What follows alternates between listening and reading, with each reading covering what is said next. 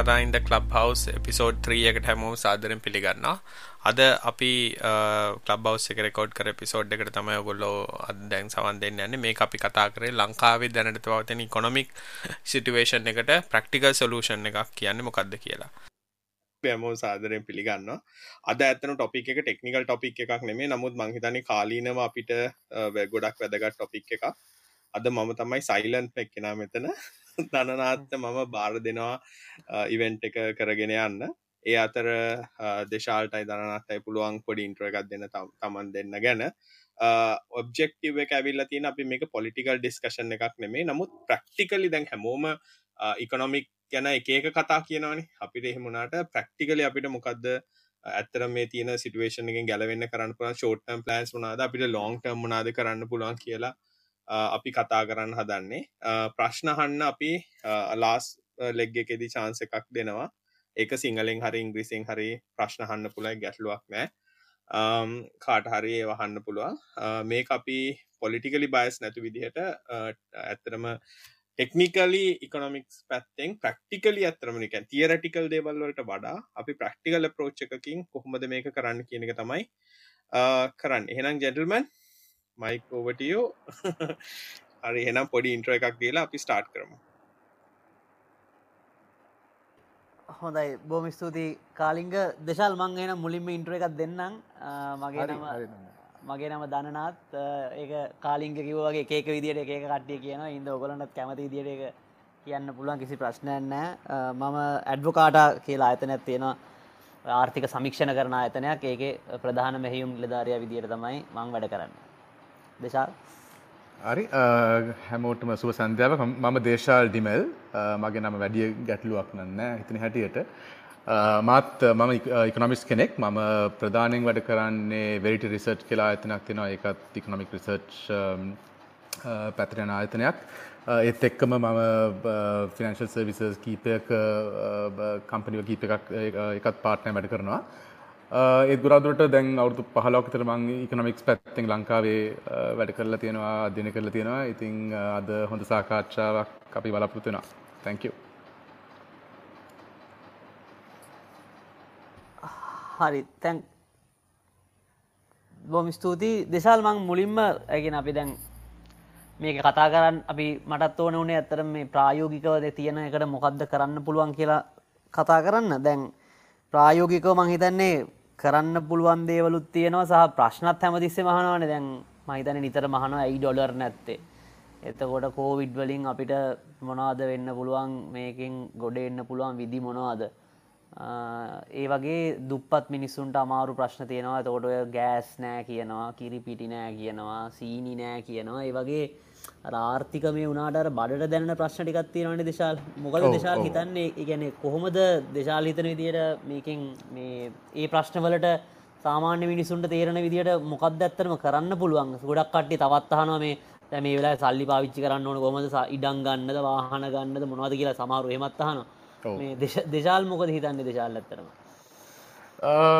ඉස්සල බොඩ්ඩක් බැලුවොත් දැන්කත් මෙතරින් ප්‍රශ්නය පටන්ගන්න කොහෙන්ද කියලා. හරි Um, uh, දැන් ඇතරම ලංග මගන්න කාලික කියපතේ හොඳ අර මේ ඇතන පොලිටිකල් පැත්තක් බල නැතුව ලංකාවේ ඇතරම අපේ ඉකොනමියක සෑන් ස්ට්‍රක්චරල් ප්‍රබ්ලම්ස් තියෙනවා. ගොඩක් කල්ලින්දන් හරි දැන් අපේ ණය පැත්ත වෙන්න පුළුවන් අපේ ස්ට්‍රක්චරල් ග්‍රෝත් පැත්ත වෙන පුළුවන්. ගොඩක් එව එක ආණ්ඩුව ඕන ආණ්ඩුවක් වුණත් ආවොත් ඒ ප්‍රශ්න ටික විසඳ විසඳන් තමයි මේ අවශ්‍යලා තියෙන්නේ. දැන් දැන් දැනට ඇතම මේ බරපතල විදිර මේ ප්‍රශ්න වෙලා තියෙන්නේ කෝවිඩ් එකත් එක්ක තමයි. මේ අර ශොක්ක එකක් කෙනෙකොට තමයි ඇතම වැඩීම මේක දැනිලා තියෙන්නේ. දැන් අපි ඒ කෝවිඩ් උදාහරණම ගත්තොත් දැන් සාමාන්‍යයෙන් තරුණ එක් කෙනෙක් වැඩිය හෙල් ප්‍රබ්ලම්ස් නැති කෝමබිටිස් නැත් නැති කෙනෙක්ට කොවිඩ් වැදන හැදෙනකොට ගොඩක් දුරට සතිතකින් සනිපෙනවා කිසිම ප්‍රශ්නයක් නෑ ඒත් ඩයිබිටිස් තියෙනවා නං ඔබිස් නං එහෙම එක හෙල් ප්‍රශ්න තියෙනවා නම් කොවිඩ් එකත් එකට උඩින් කොවිඩ් හැදෙනකොට එතකොට රිස්කය ගොඩක් වැඩි.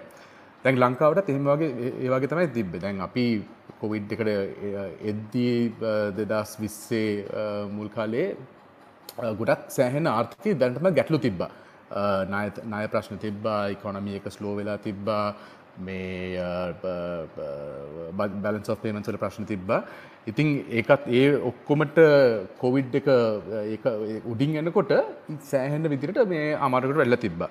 ඉතින් අපි බැලුවොත් මේක ඇතරම ෆන්ඩමෙන්ටල් ඉශූස් ටික ප්‍රධානයෙන්ම දැන් ලංකාවේ අපි සාමාන්‍යයෙන් අවුරුද්ධකට ඩොලර් බිලියන හතරයි ඩොලර් බිලිය පහක් අතර ණය ආපසු ගෙවන්න තියෙනවා. හරි දැන් මේ අවුරුදු දෙදස් විසි එකේ මංතන ඩොලර් බිලියන හතරයි දශම දෙකක් විතර තිබ්බ එන අවුරුදු දෙදස් විස් දෙකේ තව හතරයි දශම පහක් නැත්තං හතර නැත්තං ඩොලර් බිලියන පහක් අතර වගේ ගානක් ආපව් ගෙවන්න තියෙනවා. සාමාන්‍යයෙන් දැන් මිඩලිංකම් රටක් ඒ වගේ නාය ගෙවන තිනකොට ඒක මේ අලුත් අලුතෙන් එක රීෆයිනන්ස් කරගෙන කැපිටල් පෝෂන් එක රිපේ කරලා මේ ඉන්ට්‍රස්ට් එක ගෙවාගෙන යනවා. සාමාන්‍යයෙන් එහෙම තමයි කරන්නේ. දැන් ලංකාවෙත් රුපියල් වලින් බැලුවොත් treasury bond market treasury bill market එකේ එහෙම තමයි වෙන්නේ. ඒ නිකන් කැපිටල් පෝෂන් එක රෝල් ඕවර් කරලා ඉන්ට්‍රස්ට් එක ගෙවාගෙන යනවා. ඉතින් වැඩි ඒක වැඩි ප්‍රශ්නයක් ප්‍රශ්නයක් වෙන්නේ නැහැ ඒක මේ මැනේජ් කරන්න. දැන් ලංකාවට වුණේ දැන් මේ කොවිඩ් එකත් එහෙමත් එක්ක අර අපේ ක්‍රෙඩිට් රේටින් එක එකපාරටම මේ වැටලා ගියා. දැන් අපි හිටියේ මම හිතන්නේ B+ B වගේ ගානකට. ඒත් දෙදස් මහිතන අප්‍රේල් මාස දෙදස් විස්සේ අප්‍රේල් මාසේ ඒක ට්‍රිපල්සි වගේ ප්‍රමාණකටාව ඇතරම්තින නොවම්බර් මාසය අයවයට පස්සේ ට්‍රිපල්සි ගාන්ට අප ක්‍රඩිට රේටිං එක වැටලා ගිය.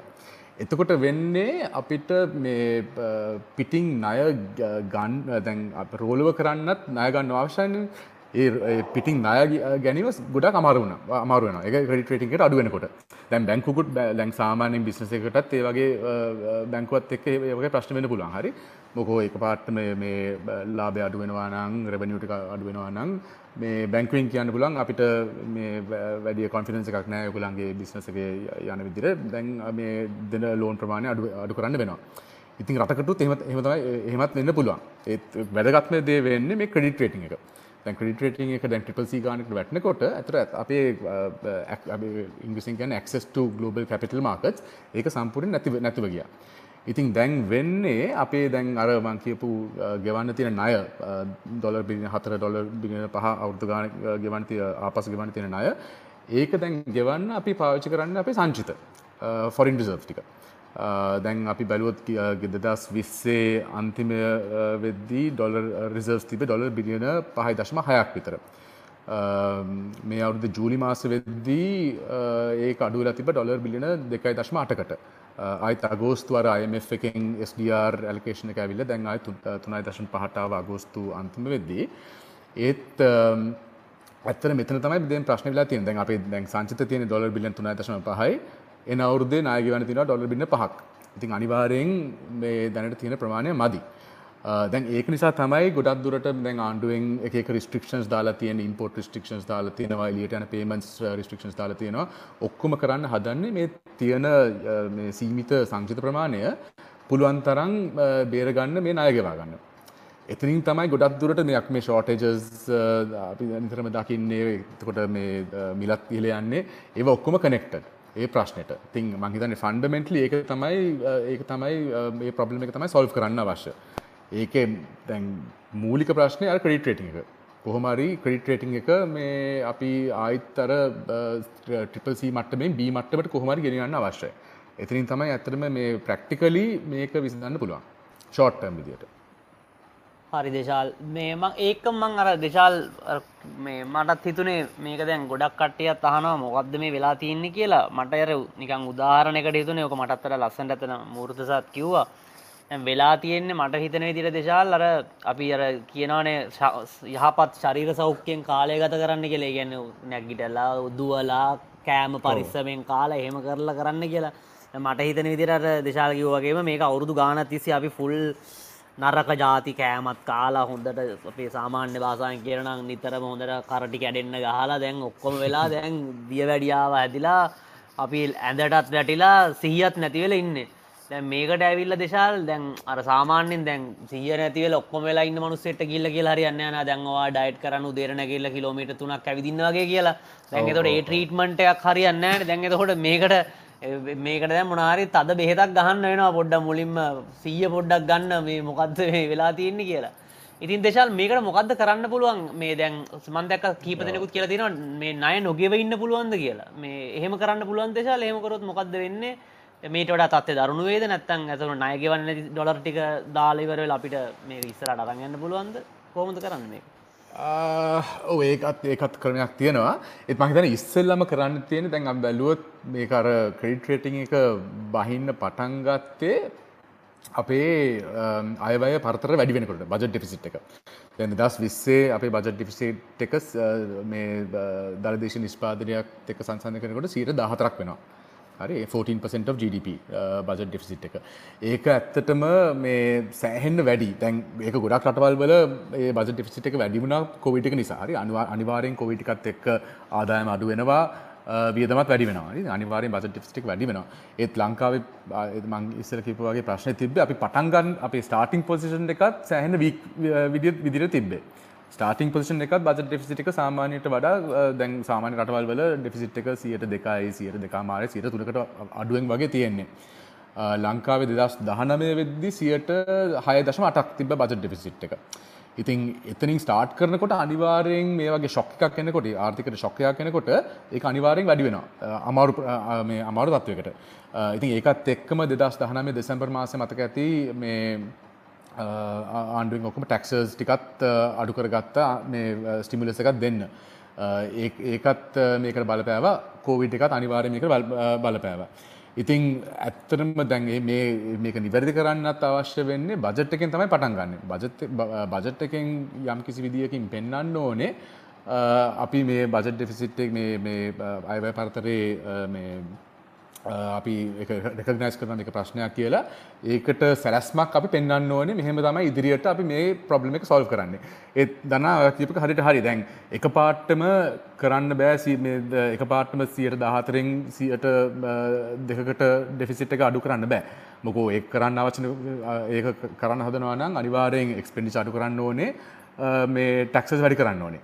දැන් අපේ ආර්ථිකය තාම කොවිඩ් එකත් එක්කම අමාරුට අමාරුට වැටලා තියෙන්නේ. ඉතින් ඒ වෙලාවේ ටැක්සස් එක පාර්ට්මට ඔක්කොම වැඩි කරන්න ගියොත් ඒ මේ ඊට ඊට වැඩියත් වැඩිපුර දරුණු තත්වයකට මේ ආර්ථිකය වැටෙනවා. ඉතින් කරන්න තියෙන සැලැස්මක් ඉදිරිපත් කරන්න අවශ්‍යයි. මේ වගේ තමයි අපි ඉදිරියට මේ රෙවෙනියුස් වැඩි කරන්නේ. මේ වගේ තමයි අපි ඉදිරියට එක්ස්පෙන්ඩිචර් අපි කන්ට්‍රෝල් කරන්නේ.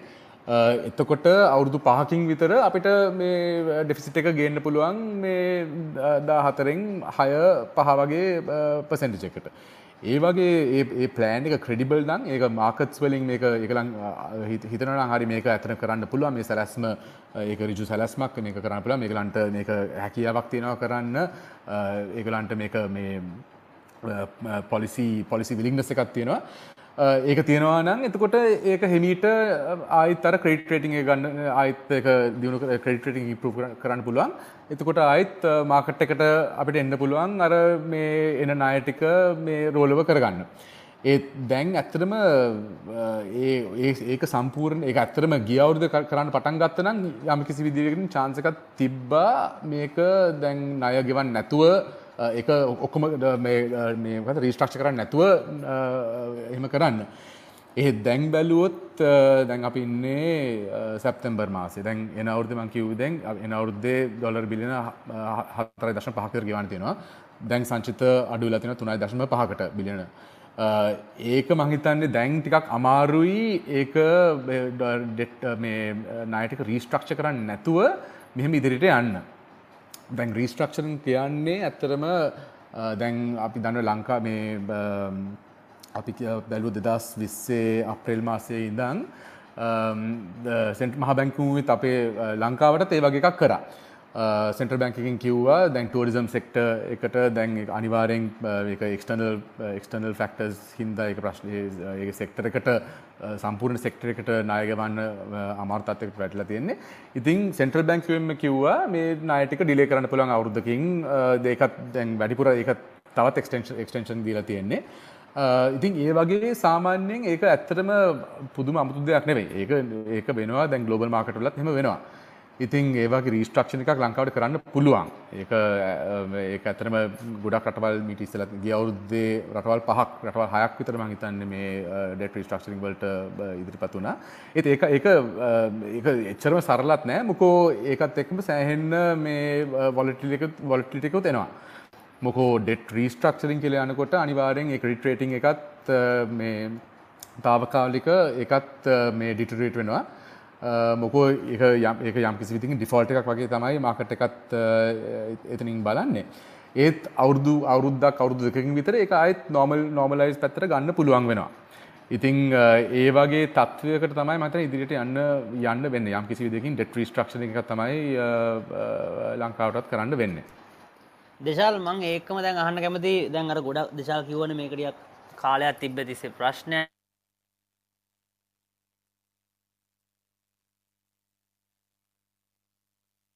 ඩිවෙච්ච නිසා දෙශාල් ප්‍රශ්නය කියන්නේ දැන් අපිට දැන් ඔයි ප්‍රශ්න තියනෙ ඩොලර් නෑන ගෙවාගන්න දෙශාලුත් කිව වගේ දැම් මාකට්ටකෙන් අයට ගන්නත් බෑ.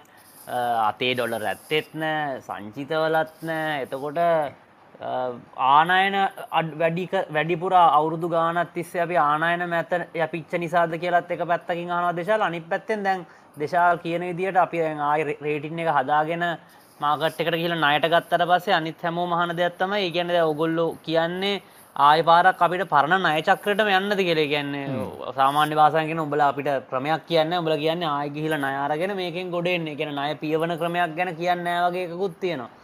ඒක කොහොමද දේශාල ඒකත් පොඩ්ඩක් පැහැදිලි කරන්නකොට ආනයන නිසාද මේක උනේ සහ දේශාල කියන විසඳුමෙන් කරන්නේ ආයෙ අර තිබ්බ තත්ත්වෙටම යන එකද කියලා කොහොමද දේශාල ඒකට උත්තරයක් දෙන්නේ? නෑ හොඳ ප්‍රශ්න. දැන් අපි ආනයන ගත්තොත් Um, දැන් ලංකාවේ ආනායන වලින් සියට අසුවක් තියෙන්නේ ඉන්ටමීඩියට් ඉම්පෝට් ඉන්ටමීඩියට් ගුඩ් සහ ඉම්පෝට්ස් of capital goods. හරි? අප ටෝටල් ඉම්පෝට් වලින්. ඒ කියන්නේ වාහන ෆුඩ් ෆුඩ්ඩන් බෙවරේජස් ඒ වගේ ඔක්කු ඇත්තර ගොඩක්ම uh, සියට විස්සක් විතර තමයි ඒ වගේ uh, ඉම්පෝට්ස් වල තියෙන්නේ.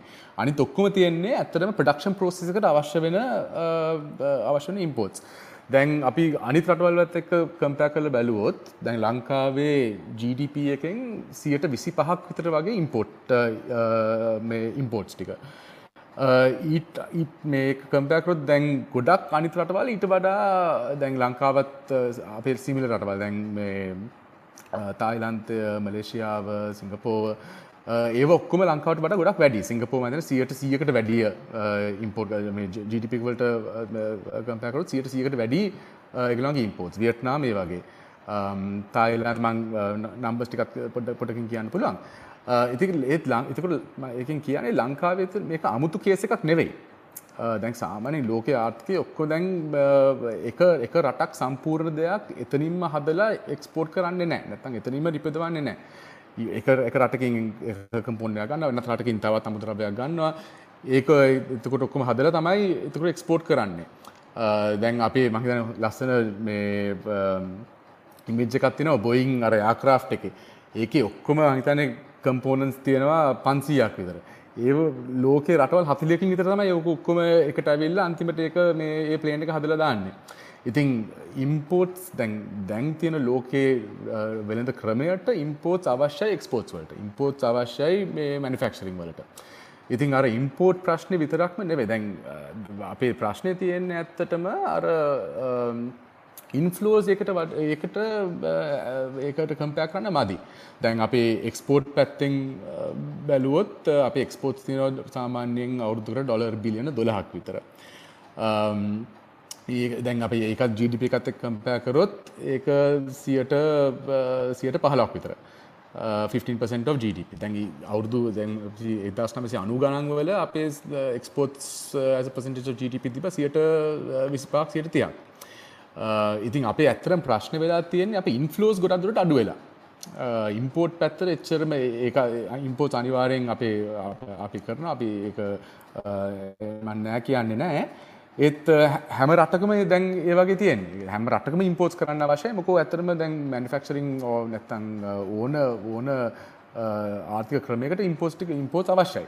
අපේ දැන් සාමාන්‍යයෙන් අපි හිතන්නේ ඉම්පෝට්ස් කරන්නේ අපේ මේ වේස්ට්ෆුල් කන්සම්ප්ෂන් වලට ලක්සරි වෙහිකල්ස්, උපභෝගී කන්සම්ෂන් වලට ඒක ඇත්තට ඒකෙන් මං කිය මං කියව හැටියට 120ක් විතර වගේ තියෙන්නේ අපේ ටෝටල් ඉම්පෝර්ට්ස් වලින්. ඉතින් මං හිතන්නේ ඉම්පෝර්ට්ස් ඉම්පෝර්ට්ස් නෙවෙයි ප්‍රශ්නේ මං දකින විදිහට ඇත්තට අපේ ඉන්ෆ්ලෝස් මදි මදි එක තමයි අපිට තියෙන ප්‍රශ්නේ. අනිත් දනාපු අනිත් ප්‍රශ්නේ දැන් මෙතනින් මෙතනින් තවත් නායාරගෙන තියෙන අය රීෆයිනන්ස් කළා ඒක ආයිත් ගැටලුවකට මේ වැටෙන වැටෙන කියන ප්‍රශ්නේ. එතනින් මං හිතන්නේ දැන් ඇත්තටම දැන් ණය අපි ගන්නේ මොකද මොකද හේතුව ණය ගන්නේ අපේ අයවැය පරතරය හිමවන්න හරි දැන් බජට් ඩෙෆිසිට් එක ෆයිනෑන්ස් කරන්න. ඇත්තටම අපේ සොලියුෂන් එක තියෙන්නේ බජට් ඩෙෆිසිට් එකට ඉදිරියට අඩු කරගන්නයි තියෙන්නේ. දැන් 114ක් 2020 තියෙනවා. ඒක නොමලස් ගාණක් මොකෝ මේ කොවිඩ් එක හින්දා අනිවාර්යෙන් ඒක අඩු වෙනවා මේ ඉදිරියට. එහෙත් සාමාන්‍යයෙන් මම කිව්වේ දැන් මම හිතන්නේ ලෝකයේ දල වශයෙන් ගත්තොත් බජට් ඩෙෆිසිට් එක මීඩියන් බජට් ඩෙෆිසිට් එක ග්ලෝබලි මම හිතන්නේ 100ට 2යි 103ක් වගේ අතර වගේ තියෙන්නේ. දැන් ලංකාවේ මේ ගිය අවුරුදු 50යි මං හිතන්නේ 100ට 5ට වඩා අඩු අඩු වෙලා තිබ්බේ නැහැ. මේ බජට් ඩෙෆිසිට් එක. ඉතින් ඇත්තට ණය ගන්න ණය ගන්න එක සීමා කරගන්නේ ණය ගන්න එක අඩු කරන්නේ මේ බජට් ඩෙෆිසිට් එක අඩු කර අඩු කරන්න අඩු කරන්න වෙනවා. බජට් ඩෙෆිසිට් එක අඩු කරන්න එතන එතනින් කරන්නේ මේ රජයේ තියෙන ආදායම ඒ කියන්නේ රෙවෙනියු එක. ඒ කියන්නේ ටැක්ස් රෙවෙනියු ලංකාවේ රජයේ ආදායමෙන් 90ක් කියන්නේ ටැක්ස් රෙවෙනියු එකෙන්. 10ක් විතරයි non tax revenue තියෙන්නේ. එතකොට මේ බජ ඩෙෆිසිට් අඩු කරන්න එක්කෝ රෙවෙනියු එක වැඩ කරන්න ඕනේ නැත්තම් රජයේ වියදම අඩු කරන්න ඕනේ. ඒ දෙකින් එකක් කරන්න තමයි කරන්න ඕනේ නැත්තම් ඇත්තටම ඍජුව මේ ණය ගන්න එක අඩු කරන්න සීමා කරන්න අපහසුයි. තන ඔව් දේශාල් මේ ඒකම මං තැංක දේශාල් මම හිතන්නේ දේශාල් හොඳට ඒක පැහැදිලි කරා මේ ඉම්පෝට්ස් ගැනයි මේ නයින් ආයි පාරක් එතෙන්ට ඉද කියලා ඒවගේම දේශල් දැන් තව මහිතන හැමෝම කියන දෙයක් තමයි මහිතන අවුරුදු ගානකිඳලම කියනවා මේ මේ මේ කියන ආර්ථික ක්‍රමේ අපි ගියා සෑහෙන්න කල් ගියාකෝ කිසිම මේකින් කිසිම මේ කියන මේකින් කිසිම දියුණුවක් අපිට හම්බුන්නෑනේ මේ විවෘතාර්ථිකය කියන. හමනත් සමාරුමකට වෙස්ටන් නිකනොමික්ස් කියලත් කියන මන්දකාර මේ ටවිටර එක දාලා තියෙනවා මේ ඩිමාන් සප්ලයි කියන එක ගිරවෙට්ටි ගැන්නුවන උත් ඇම දිස්සේ ඕන එක ඩිමාන් සප්ලයි කියලා ඕන කෙනෙ කොමිස් කෙනෙක් කෙන කියලා ඩිමාන් සප්ලයි මේ ප්‍රස්ථාර දෙක අඳන්න පුළුවන්න. එතකොට දේශල් ගොඩක් කට්ටි මහිතන්නේ මේක මේ ම මේ දේශපාලන කතාවකට වඩා අරදැන් මේ හිටපු ගවනත් ගොඩක් කලාටක අපි මේ පොඩි විකල්ප ආර්ථික ක්‍රමයකට යන්න ඕන කියලා. දැන්ද අනිතක අර ගොඩක් වෙලාටොයි ණය ගන්නවා මේ ඔය අපි සාමාන්‍යෙන් කියන ඉල්ලුම සැපවම මත වෙළඳ පොලින් මාකට් එකෙන් ඕක ඩිසයිට් කරන දෙනවා. නියෝක බටහිර ක්‍රමයට ගියප එකක් කියලා කියලා බොහෝ වෙලාවට අදහසක් තියෙනවා. ඒට ඊට අමතරව දේශල් දැන් එහෙම ලෝක තියෙනවද? දැන් ඇත්තරම හැම ශේෂත්‍රයකම ගත්තොත්තේ අලුත් අලුත් ක්‍රම මොනහරි එනවානේ. මේ ආර්ථික විද්‍යාව පැත්තකින් තිබොත් අපේ දැන් ටෙක් පැත්තෙන් හැම දෑම මොනහරි අද එකක් තිබොත් දැන් කව එකක් අනිදවසෙනවා ඊට වඩා සම්පූර්ණ වෙනස් එක ආර්ථික විද්‍යාව එහෙමවල් නැද්ද දේශාල? ගැන සෑමදිස්සම ඩිමාන් සප්ලයි වලින් මාකට් එකෙන්ම යන්න නැත්තම් මේකට වෙන මොනහරි ක්‍රම අඩුම ගානේ සාකච්ඡා වෙනවද? තියෙනවද? මම ඒක නැත් කැමතියි අහන්න මෙම දැයි මන්දකින්නේ ඇතර මේක ලේබල් ලේබල් දාන්න පුළුවන්. ඒත් ෆන්ඩමෙන්ටල් ප්‍රොබ්ලම එක ඩස් කරන්න අවශ්‍යයින දැන් අපි දැන් අපි දැන් ලංකාව ගැන කිව්වේ අපේ ඇත්තටම ගොඩක්ම ගොඩක්ම දැන් ආර්ථිකයේ ප්‍රශ්න වෙලා තියෙන්නේ අර මේ බජ ඩෙෆිසිට් රජයේ වජ ඩෙෆිසිට අවුදු ගානකට සියකට පාකට වැඩියෙන් තියලා දැන් සම්පූර්ණ ණය ප්‍රමාණය GDP එකට වඩා 101% වගේ දැන් ගිහිලා තියෙන්නේ. එතනින් තමයි ගොඩක්ම දැන් මේ ප්‍රශ්න ගොඩක් දුරට ප්‍රශ්න ඇති වෙලා තියෙන්නේ. දැන් ඒකට ඇත්තටම ඕන ලේබල් එකක් දැම්මොත් ඒ ඒ ප්‍රශ්නේ විසඳන්නේ නැතුව ඇතර ගොඩ එන්න ගොඩ එන්න අමාරුයි. ඉතින් ඒක ඇත්තට ෆන්ඩමෙන්ටල් ප්‍රොබ්ලම්. දැන් ඒක කොම්පැනියකටත් අදාළ වෙනවා ගෙදරකටත් ගෙදරකටත් අදාළ වෙනවා. දැන් රටක ආර්ථික ඊට වඩා ගොඩක්ම සංකීර්ණයි. නමුත් දැන් අපි ගෙදරක් බැලුවොත් ගෙදරේ ආදායම අඩු නම් වියදමට වඩා අනිවාර්යෙන් නායකට නායකට මේ වැටෙනවා. එතකොට අනිවාර්යෙන් ආදායම වැඩි කරන්න අවශ්‍යයි. නැත්නම් වියදම අඩු කරන්න අවශ්‍යයි. ඒ ෆන්ඩමෙන්ටල් ප්‍රොබ්ලම්ස් ටික අනි මේක දැන් ගෙදරකටත් ඒ ෆන්ඩමෙන්ටල් ප්‍රොබ්ලම් එක තියෙනවා. කොම්පැනි එකටත් ඒ ප්‍රොබ්ලම් එක තියෙනවා. කොම්පනියකුත් දැන් ඒගොල්ලන්ගේ රෙවෙනියු එක මොනාරි යම් කිසි හේතුවකට රෙවෙනියු එක අඩු වුණොත් අනිවාර්යෙන් කොස්ට් එක අඩු කරන්න ඕනේ. නැත්නම් ලාභය එක්ක ලාභය අඩු වෙනවා ලාභය අඩු වෙනවා. නැත්නම් ලොස් එකට යනවා. ඉතින් ඒ වගේ ඒ ඒ ලේබල් ඕන එකක් කරන්න පුළුවන් දාන්න පුළුවන්. එහෙත් මේ ප්‍රශ්නේ ඒ ප්‍රශ්නේ ඔක්කොම පොදු.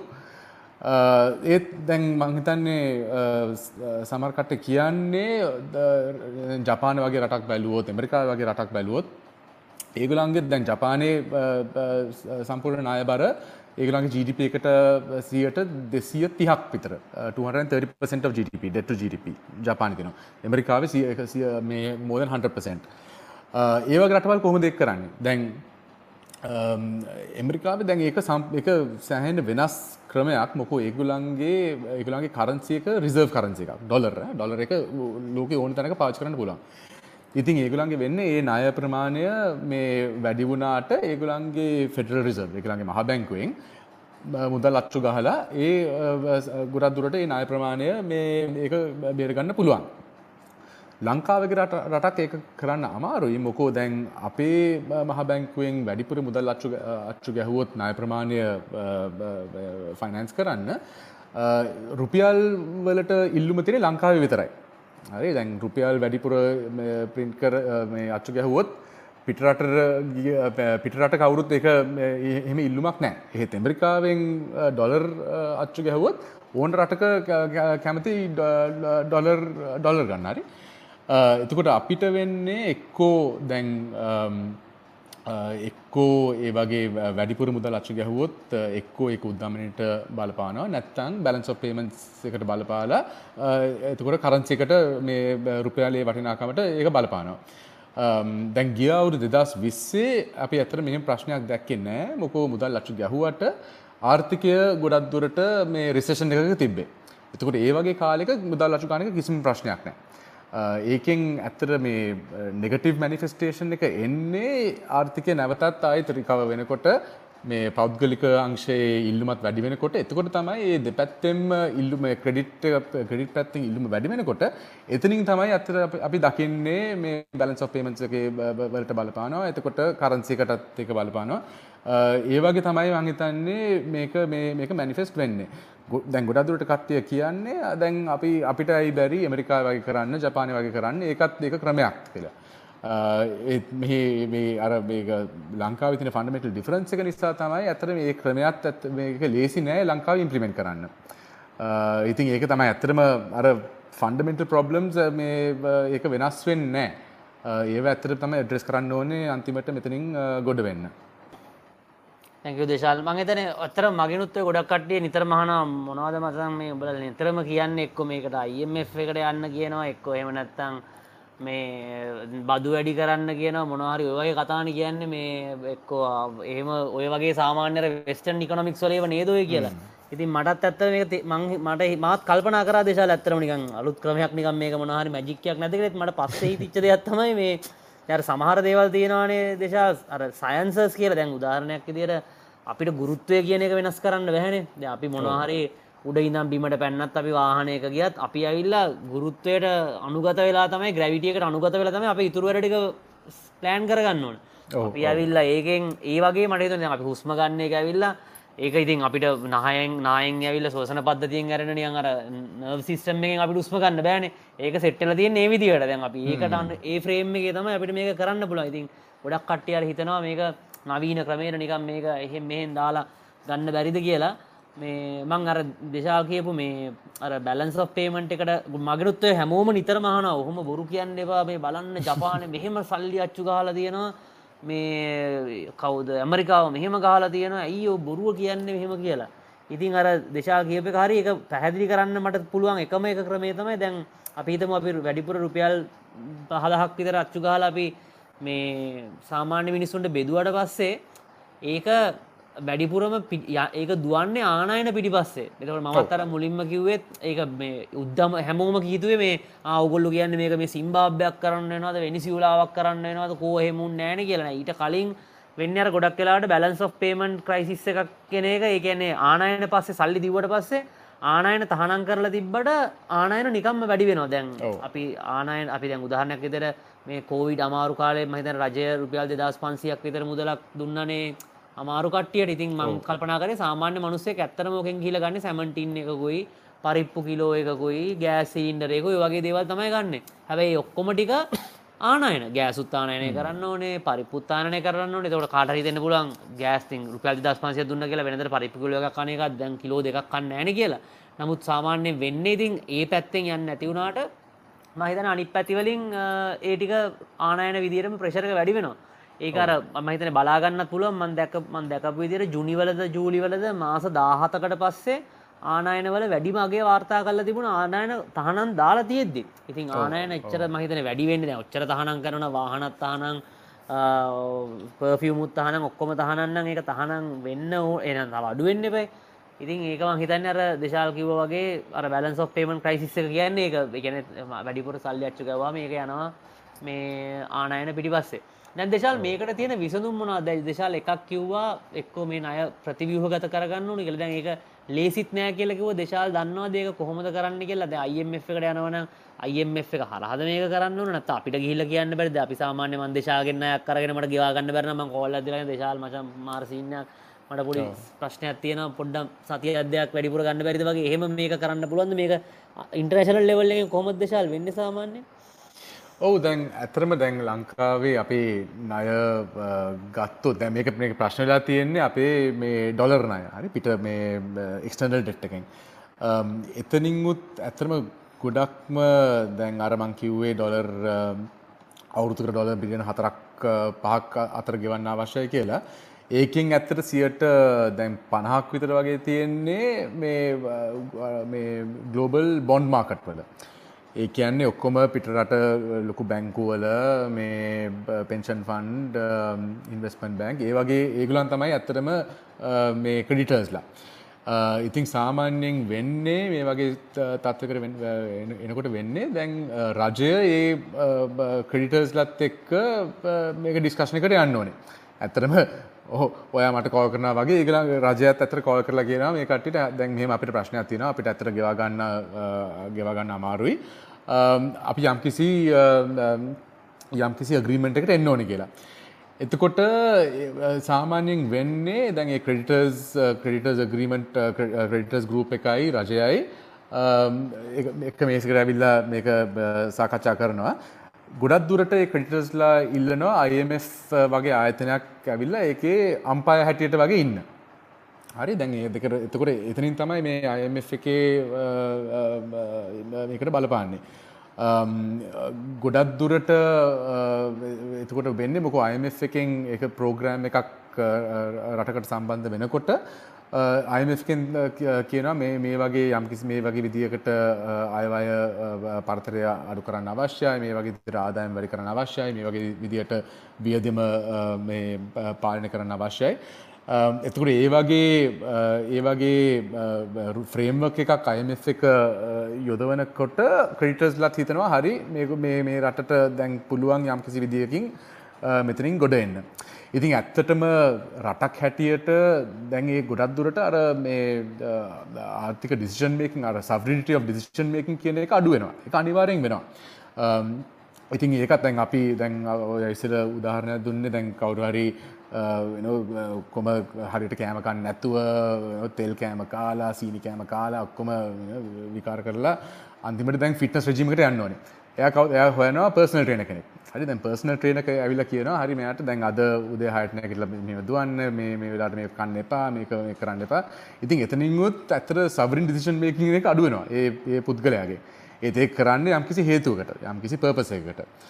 ඉතින් ඒ වගේ තමයි ඇත්තටම දැන් IMF වගේ ආයතනයක් මේ වගේ ක්‍රඩිටර්ස් ලගේ නෙගෝසිේෂන් වලට ඒගලන්ගේ රෝල් එක මේ අර නිියුට්‍ර ලම්පා කෙනෙක් වගේ මේක අර ෆ්‍රේම්වක එක හදලා ඒ රට ෆ්‍රේම්වක එක අනුව මේ පරිපාලි කරනවා කියලා ඒකලං එතනින් තමයි එම ඉදිරියට යන්නේ.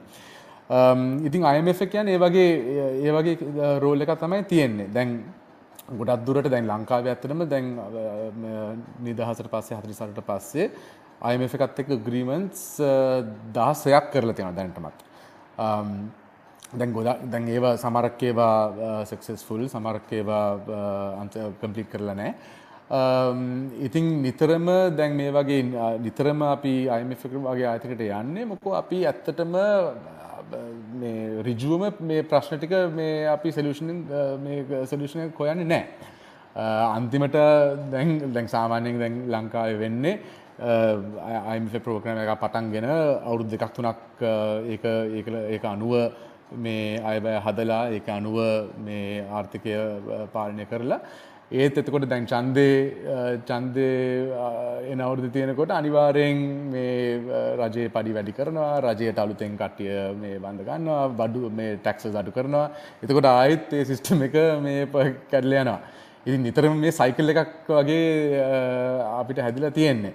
ඉතින් දැන් තමයි ඒක ඇත්තටම මේ ප්‍රතිඵලය දැන් තමයි මේ අපි අන්තිමට දැන් දැන් දකින්නේ.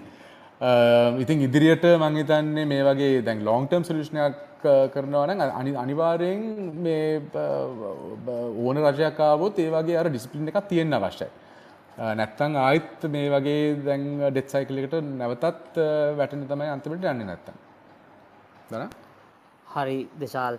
ඒක මන් දෙශාල් දැනගන්න කැමතියි දැන් අපි කියනවා මේ දැන් ඊට පස්සේ දුප්පත් කට්ටේ ඉන්නවනේ දැන්. සාමාන්‍යයෙන් මහිතනේ අන්ද මට හිතාගන්න බෑ අපේ සාකච්ඡාවහන මොන වගේ කට පිරිසද්ද කියලා. දැන් සාමාන්‍ය අපි කියන්නේ තමන්ගේ ආදායමෙන් වැඩි වැඩිම මුදලක් කෑම වගේ දේවල් වලට වියදම් කරන පිරිසක් ඉන්නවනේ. දුප්පත් කට්ටියට එහෙමනේ ඒගොල්ලොන්ට වැඩිපුර වියද කෑමට යන කට්ටියට. දැන් මේ තත්ත්ව දේශාල කොහොමද බලපාන්නේ? සද හැමෝටම මම හිතන්නේ පොඩි අවිනිශ්චිත ගතියක් තියෙන ඉස්සරහට මොකද්ද කරන්න ඕන කියලා. දුප්පත් කට්ටියට හිතාගන්න බෑ මේ දුප්පත් ගැන මේ මොකද කරන්න කියල මිනිසු ඇතරම හිතාගන්නගෙන ඔප්ෂන් අඩුයි දේශා කිව්වගේ ඒවගේ මැද මධ්‍යම පාන්තික කටියට හිතාගන්න බෑ. දැ මොකද කරන්න? මන්දකරටිය සෝශල් මීඩියාවල ඩිස්කශනයක් එමෙන රට යනවද? රට දාලයනවද ඒ වගේ නිකන් අමුතු අදහස් සමුතු අදහස්නේ එක අදහස් එන්න පටන් අරගෙන තියෙනවා දැන් දෙශාල් කෝමද හිතන්නේ මේ තත්ත්ව ගැනසා මේකට කොහොමද අපි සාමාන්‍ය මිනිස්සු විදියට මුණ දෙන්න ඕනේ? අපි මොනහරි අපි මොකක්ද කරන්න ඕනේ කියල පොඩ්ඩක් දෙශා කියන්නකෝ. ඒකන අමාරුම ප්‍රශ්නය නෑ මෙහෙමයි. දැන් ඇත්තරම රට දාලයන එකත් ඇතර පලක් වෙන්න ඇදැන් අනිවාරයෙන් රටක් දියුණු වෙනවා නම් රටේ තියෙන මේ ටැලන්ට් එකයි ඔක්කොම හිමට සෝස ටිකයි අනිවාරයෙන් ඔක්කොම එකතු වෙලා ඒ රටවෙනින් වැඩි කරන්න ඕනේ. අනිවාරයෙන් පෞතිරික ප්‍රශ්න තියයි. ඒක ගොඩක් දුරට හොඳ ඔප්ෂන් ටිකක් ලැබුණොත් එක ගොඩ කට්ට එක ගන්න හදාවී. ඒත් ඇත්තටම ඔක්කොම පලපුරුත් තියන කට්ටිය ටැලන්ට එක තියෙන කට්ටිය ඔක්කොම ගියොත් එතකොට තමයි ඇත්තටම ලොකුම ප්‍රශ්තින ඒ කියන්නේ ලෝන්ටර්මුත් එතකොට අපිට ඉදිරියට යන්න අමාරු වෙනවා. මොකෝ රටක අන්තිමට දැන් සම්පත් බැලුවොත් මේ ඉඩම් තියෙනවා මිටරල් තියේ නැත්තන් ඒත් ලැන් ලංකාව රටක ඇත්තන සම්පත් ගොඩක්ම තියෙන්නේ මේ හිමන් රිසෝස් පැත්තෙන්. දැනටමත් ගොඩක් ලංකාව ගොඩක්ම ටැලන්ට කට්ටිය මේ පිටරට ගිහිල්ල එකලං පිටරට එක එක ෆිල්ඩ එක්සෙල් කරනවා. දැන් ඉදිරියටත් වැඩි වැඩි වැඩියෙන්ම කට්ටිය දැන් හැකියාවක් තියෙන කට්ටිය ලංකාවෙන් පිට ගියොත් එතකොට ලෝන්ටර්ම් එකටත් ඇතරම මේ මීට වඩා අමාර්තතර තමයි අපිට වැටෙන තියෙන්නේ. ඉතින් ඒ ඇතර ඒක පෞද්ගලික චොයිස එකක් අන්තිමට දැන් කාටත් කියන්න බෑ නෑවයා ඉන්න ඕනවා යන්න බෑහම කරන්න බෑ අන්තිමට පෞතික චොයිස එකක්. ඒත් එහෙම ඇතර ඉදිරියට එහෙම එහෙම වුණොත් ඉතිං ඒක රටට අහය අහය පතක් තමයි වෙන්නේ. Um, ඇත්තට මේ තව කීපදේ හරි. දැන් මේ uh, ගොඩක්ම uh, දුපත් කට්ටියට um, uh, කෑම ගැන අනිවාර්ය හිතන්න එක දැන් ඇත්තට මන අමාරු අමාරු තත්ත්වයක් තියෙන්නේ. ඒත් ගොඩක් රටවල් මේ වගේ මේ වගේ ඩෙත් සිටුවේෂන් වලට මූඩ පාලා ඊට ගොඩ වෙලා තියෙනවා දන්නත්. දැන් um, සෑහන් උදා දැන් ඇතරම ගොඩක් මෙ ලංක මම මේ ළඟද කියව පොතක් මොකද නම? මේ this time is different කියලා. ඒගොල්ලන් බලලා තියෙනවා අවුරුදු 400ක මේ මේ වගේ ෆිනෑන්ෂල් ක්‍රයිසිස් වලට මුණ පාපු මුණ පා රටවල්. ඒගොලන් වුණදේ අන්තිමට ගොඩබුණ විදිිය එම ඔක්කොම තියෙනවා. දැන් අපි ආජන්ටින වගේ රටන් ගත්තොත් ආජන්ටින කියන්නේ ඉස්සර දහනම විනිසිය වර්ෂයේ ලෝකයේ ධනාත්මක රටක්. ඒගොලන් දැන් මේ අවුදු ගිය අවුරුදු විස්සේ මංහිතන්නේ ඩිෆෝල්් කරල තියෙනවා හය සැරයක් විතර. ඒත් ඒගුලන් කොහමරි ඉදිරිට යනවා. රයිට් ඉතින් දැන් එක මේ වගේ ප්‍රශ්න තිබ්බට එක අන්තිමට ගොඩදුරට රටවල් මේකින් එලියට ගොඩ වෙනවා. ඒත් ගොඩ වෙන්න නම් අනිවාරයෙන් ගොඩක් දුරට කට්ටිය දැන් හැකියාවක් තියෙන කට්ටිය ටැලන්ටඩ් කට්ටිය රට ආදර තින කට්ටිය අනිවාරයෙන් ඒකට කැපි වෙලා මේ වැඩ කරන්න ඕනේ. මේක ගොඩක් දුරට මං නම් දකින්න මේවා ෂෝට් ටර්ම් ෂෝට් ටර්ම් ප්‍රශ්න ඉදිරියට ඉදිරියට ගොඩ වෙන්න ඉඩකඩ තියෙනවා. ඉතින් පොඩ්ඩක් පොසිටිව් විදිහට බලන්න ඕනේම හොඳයි දේශාල්.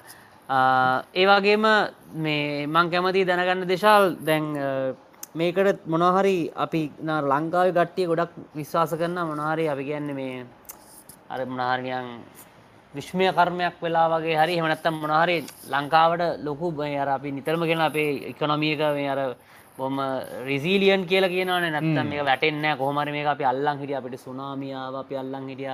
අවුරදු තියක යුද්ධයක් තිබුණ. අපි අල්ලං හිටිය. අපි නය නොගෙව හිටපු කාලයක් නැහැ. එතකොට අපි අපි කොහොමාරය අපිට දෙශාලුත්කිව ඇතරම පොසිටිව් වෙන්න මේ එහෙම රටඉන්න හැමෝම පිටට යන්න එහෙම හිතන්න අවශ්‍යතාවයන්න කියලා එතකොට දෙශල් ඒ වගේ මොනහරි අපිට හිතාගන්න බෑ ඉස්සරහට මොනවා වේද කියලා. නමුත් දැන් අර දැන් ගොඩක් කතා තියෙනවා සමහල්ලාට දැ බොරතෙල් නිදී ඇවිල්ලා තියෙනවා. ඒ වගේ මොනහරි එහෙම මේ ඒ වගේ මේ එක පාට්ට නිකං දෙයක් වෙලා අපිට මොනහරි කරගන්න පුළුවන් වෙන්න පුළුවන් හැකියාව ගැනත් මිනිස්සු කතාගන්න මහිතන ඒකර අව් එක අර ඩෙස්පරේෂන් එක නිසා වෙන්න පුළුවන්. සාපයර හිතත් ලොකු විශ්වාසයක් තියෙනවා. නෑනෑ අපිට එහෙම වෙන්න නැහැ කෙලෙම අපි හැමෝම කොමත් එහෙම හිතන්නේ මං කැමති ඒ ගැනත් පොඩ්ඩක් නිකං උඩින් පල්ලෙන් දැනගන්න. මන්දන්න එකනියන් හරි මුත්තරයන්න ඇති ඉස්රහට මොනාද වෙන්න නිකල දෙශල්ම හිතන්නේ. අංජනම් බලන්න ඇති නිසාහම කියන්න අමාර මේ ඒකින් මහ බැයි කිව්වර මේ මට ඕනුට අර මිනිස්සුන්ගේ විශ්වාසයක් තියෙනවා සමල්ලාට මේ මොනහරි දෙයක් කරගන්න පුළුවන් වෙයි කියලා. ඒකනත් මං කැමති දිශාකින් ආගන්න දැන් දැන් අප බැලුවොත් අතිතය අතීතය ගැන ඇති ඇතර රීසන් පාස්ටික බැලුවොත් තැන්ගුඩක් කට්ටේ කියනවා ලංකාවේ ඩිෆෝ මේ නායගවන් නැතුව තත්වයක් කෙනවා නම් එක වෙන්න යුද්ධ කාලේ නැත්තං සුනාමියෙන් පස්සේ නැත්තං ඒ වගේ ලොකු අමාරුවක් තියෙන වෙලාවක. එහෙත් දැන් ඇත්තටම දැන් අපේ ණය දැන් ගොඩක් කල් ලංකාවේ පිටරට ණය තිබ්බා. ඩොලර් ඩොලර් ඩෙත් සෑහෙන්න දැන් අවුරුදු 40ක් 40ක් 50ක් විතර වගේ පිටරටින් අපි ලංකාවේ ණය ගත්තා. ඒත් දෙදස් හය හත වර්ෂය වගේ එක තිකක් ඒ ණයේ පිටරට එක්ස්ටර්නල් ඩෙට් එකේ ප්‍රොෆයිල් එක සෑහෙන වෙනස් වුණා. දෙදස් හයට කලින් දැන් දෙදස් එක්දස් නමච අසුව අසුවයි දෙදස් හය වගේ ඒ කාල තුළදී ගොඩක් දුරට එක්ස්ටර්නල් ඩෙට් අපට ලැබුණේ ලෝක බැංකුව ආසියන් සංවර්ධන බැංකුව ජපාන වගේ Uh, ඩෝනර්ස් ලගින් ඒවා සෑහෙන්න එකලං එකට කියන කන්සේෂනල් ඩෙට් කියලා. ඒ කියන්නේ සාමාන්‍යයෙන් ඒ ලෝන් එක අවුරුදු තිහක ප්‍රමාණ uh, කාලයක් තියෙනවා. එකන ආපහුගෙවන්න uh, අවුරුදු දහයක් විතර වගේ ග්‍රේස් පිරිඩ් එකක් තියෙනවා. පොලිය සියට දෙකයි සියට එකයි වගේ ගානක් වගේ තියෙන ඉතින් ඒවා ඒ වගේ එක්ස්ටර්නල් දෙක ඩෙට් එක මේ මැනේජ් කරන්න පාලනය කරන්න සෑහෙන ලේසි සාමාන්‍යයෙන් අවුදුර ආපහු ආපසු ගවන් වෙන ඩොලර් බිලියන හාරසියක් පන්සියක් වගේ ගන්න එක සෑන ලේසික පාලනය කරන්න. දෙදස් හයට පස්සේ ලංකාව අර බිල්ලිංකම් ත්‍රශෝල්් එක මේ ක්‍රොස් කරාම එතකොට අර අපේ කන්සෙෂනල් ලෝන්ස් වලට ඇක්සෙස් එක අනිවාරයෙන් අඩු වෙනවා.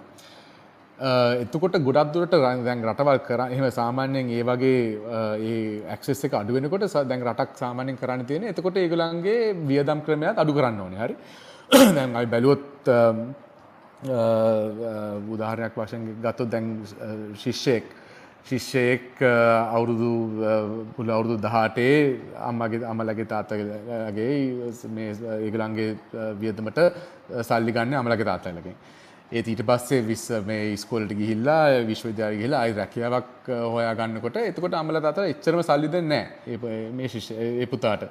එතකොට අනිවාර්යෙන් ඒ පුතාගේ එයාට ආදායමක් ගන්න බැරි නම් අනිවාර්යෙන් එයාගේ වියදමත් ඒ විදියට පාලනය කරන්න අවශ්‍යයි.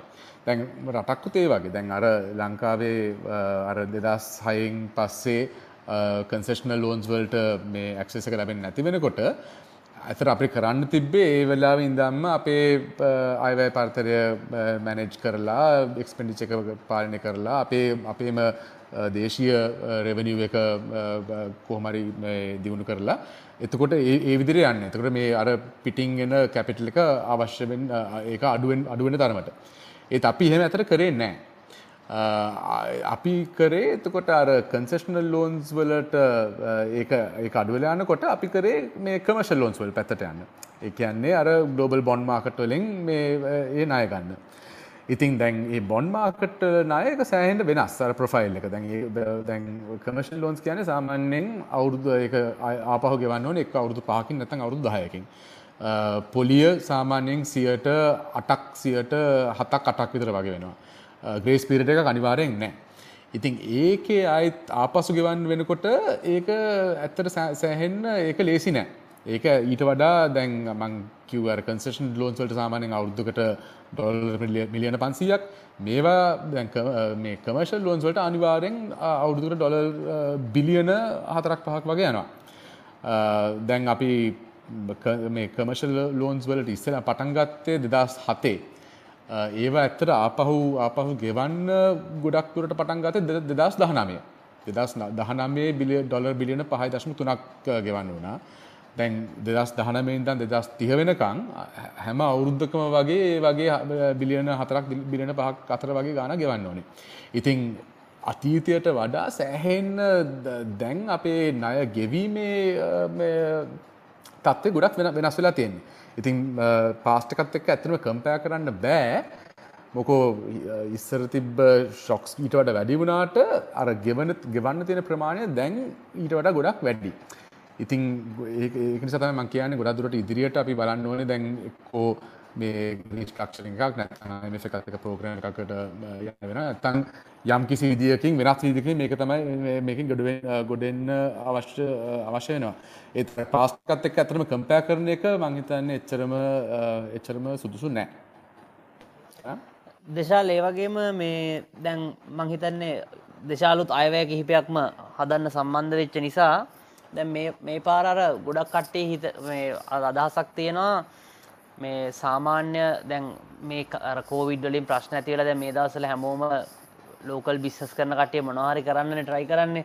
සමහරවලට ෆුල් ටයිම් ජොබ් එකක් කරත් පාර්ට් ටයිම් මොනවා හරි දෙයක් කරලා හරි ගොඩ යන්න තමයි බලන්නේ. එතකොට අර මේ දැන් අපිට ආනායනත් එක්ක මේකත් අර කලින් අපේ ආනායන කතාවටම ටිකක් සම්බන්ධ වෙනවා.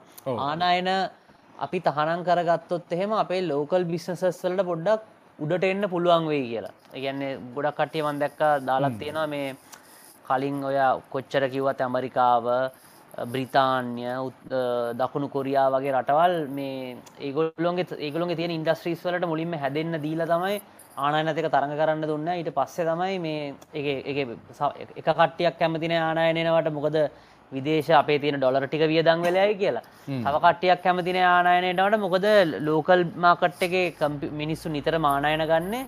ඒ නිසා අපි ඒක බ්ලොක් කරාම අපිටම දේවල් හදාගන්න පුළුවන් වේ කියලා තනි පැත්තෙන් අදහසත් තියෙනවා. ඒගන දෙශල් මොකද හිතන්නේ? දෙශාලුත් අයවය හදපු නිසා මන්දකම විශේෂම මේ අයවැයනුත් කියල තිබුණ. අපි දේශීය කර්මාන්ත දියුණු කරනවා කියලා. ඒක ආනයන ටිකක් කන්ට්‍රෝල් කරනවා කියලා. මං කැමති දේශාලගෙන් ඒ ගැන අදස් දැනගන්න මේ ඒක නැවත්තුවත් ඇත්තරම ලෝකල් බිසස් දියුණු වෙනවාද කියලා අපි උදාහරණයක් ගමු අපි උදාහරණයක් ගත්තොත් තැන් um, uh, අපි හිතමු දැන් අයන් අයන් රොඩ් හදන කම්පැනියක් ලංකාව තියෙන අයන් රොඩ් හදන uh, කොම්පැනි කීපයක්.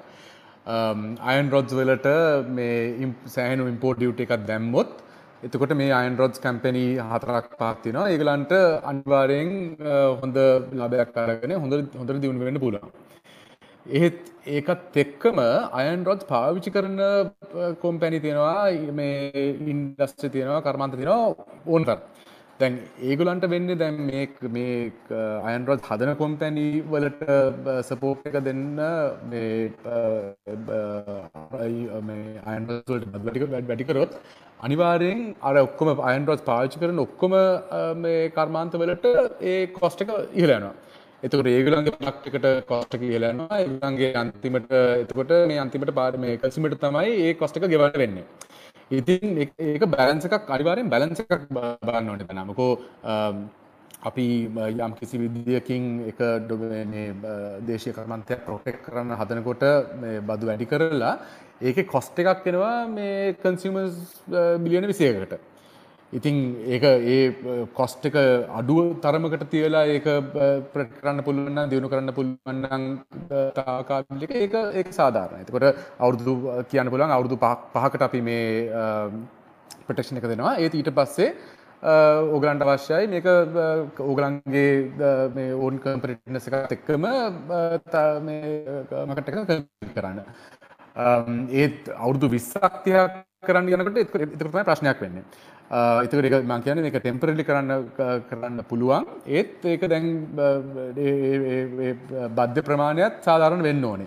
සියට විස්සක් වගේ ප්‍රමාණයක් ගොරත් දුරට මේක සාධාරණ ගානක් සියට සීයක් සියට දෙසීයක් වගේ බද්දක් අවශ්‍යනකොට ඒකනම් එතකොට අනිවාර්යෙන් කන්සිමට මේ ගොඩක් නෙගටිව්ලි බලපානවා. ඉතින් ඒ ඒ පැති ඔක්කොම බලන්න ඕනේ මං හිතන්නේ. මේක දැන් මේම ඒ වගේ මොනවාරි පොත් සබ්ස්ටිටියුෂන් වගේ නැත් ප්‍රොටෙක්ෂන් ඉන්ඩස්ට්‍රීස් ඒ වගේ පොලිසි එකක් තියෙනවා නම් අනිවාර්යෙන් බැලන්ස් කරන්න ඕනේ. කන්සියුමර්ගේ පැත්තෙන් ගොයි අනිතක ඒ ඒ වගේ අමුද්‍රව්‍යයක් නම් ඒ අමුද්‍රව්‍ය පාවිච්චි කරන අනිත් කර්මාන්තවල. දැන් ගොඩක් දුරට ලංකාවේ කන්ස්ට්‍රක්ෂන් කොස්ට ගොඩක් වැඩි වෙලා තියෙන්නේ. අපේ සෑහෙන්න මේ ටැක්සස් තියෙනවා. කස්ට්‍රක්ෂන් ප්‍රඩක්ස් uh, වලට. Uh, ඇලුමිනියම් වෙන්න පුළුවන් uh, අයන් ස්ටීල් වෙන්න පුළුවන් සරමික්ස් වෙන්න පුළුවන්.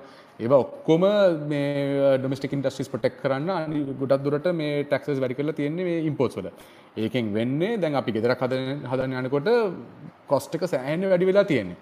ඉතින් ඒ පැත්තිකුත් බලන්න ඕනේ ශිකින් ඩස්ට්‍රියකෙන් දියුණුවීම පැත්තිකුත් බලන්න. රජයට ඒක ලේසි නෑ. ඒක බැලන්ස් කරන එක තමයි අනිවාර්යෙන් අර පොලිසියකින් කරන්න වෙන්නේ දන්න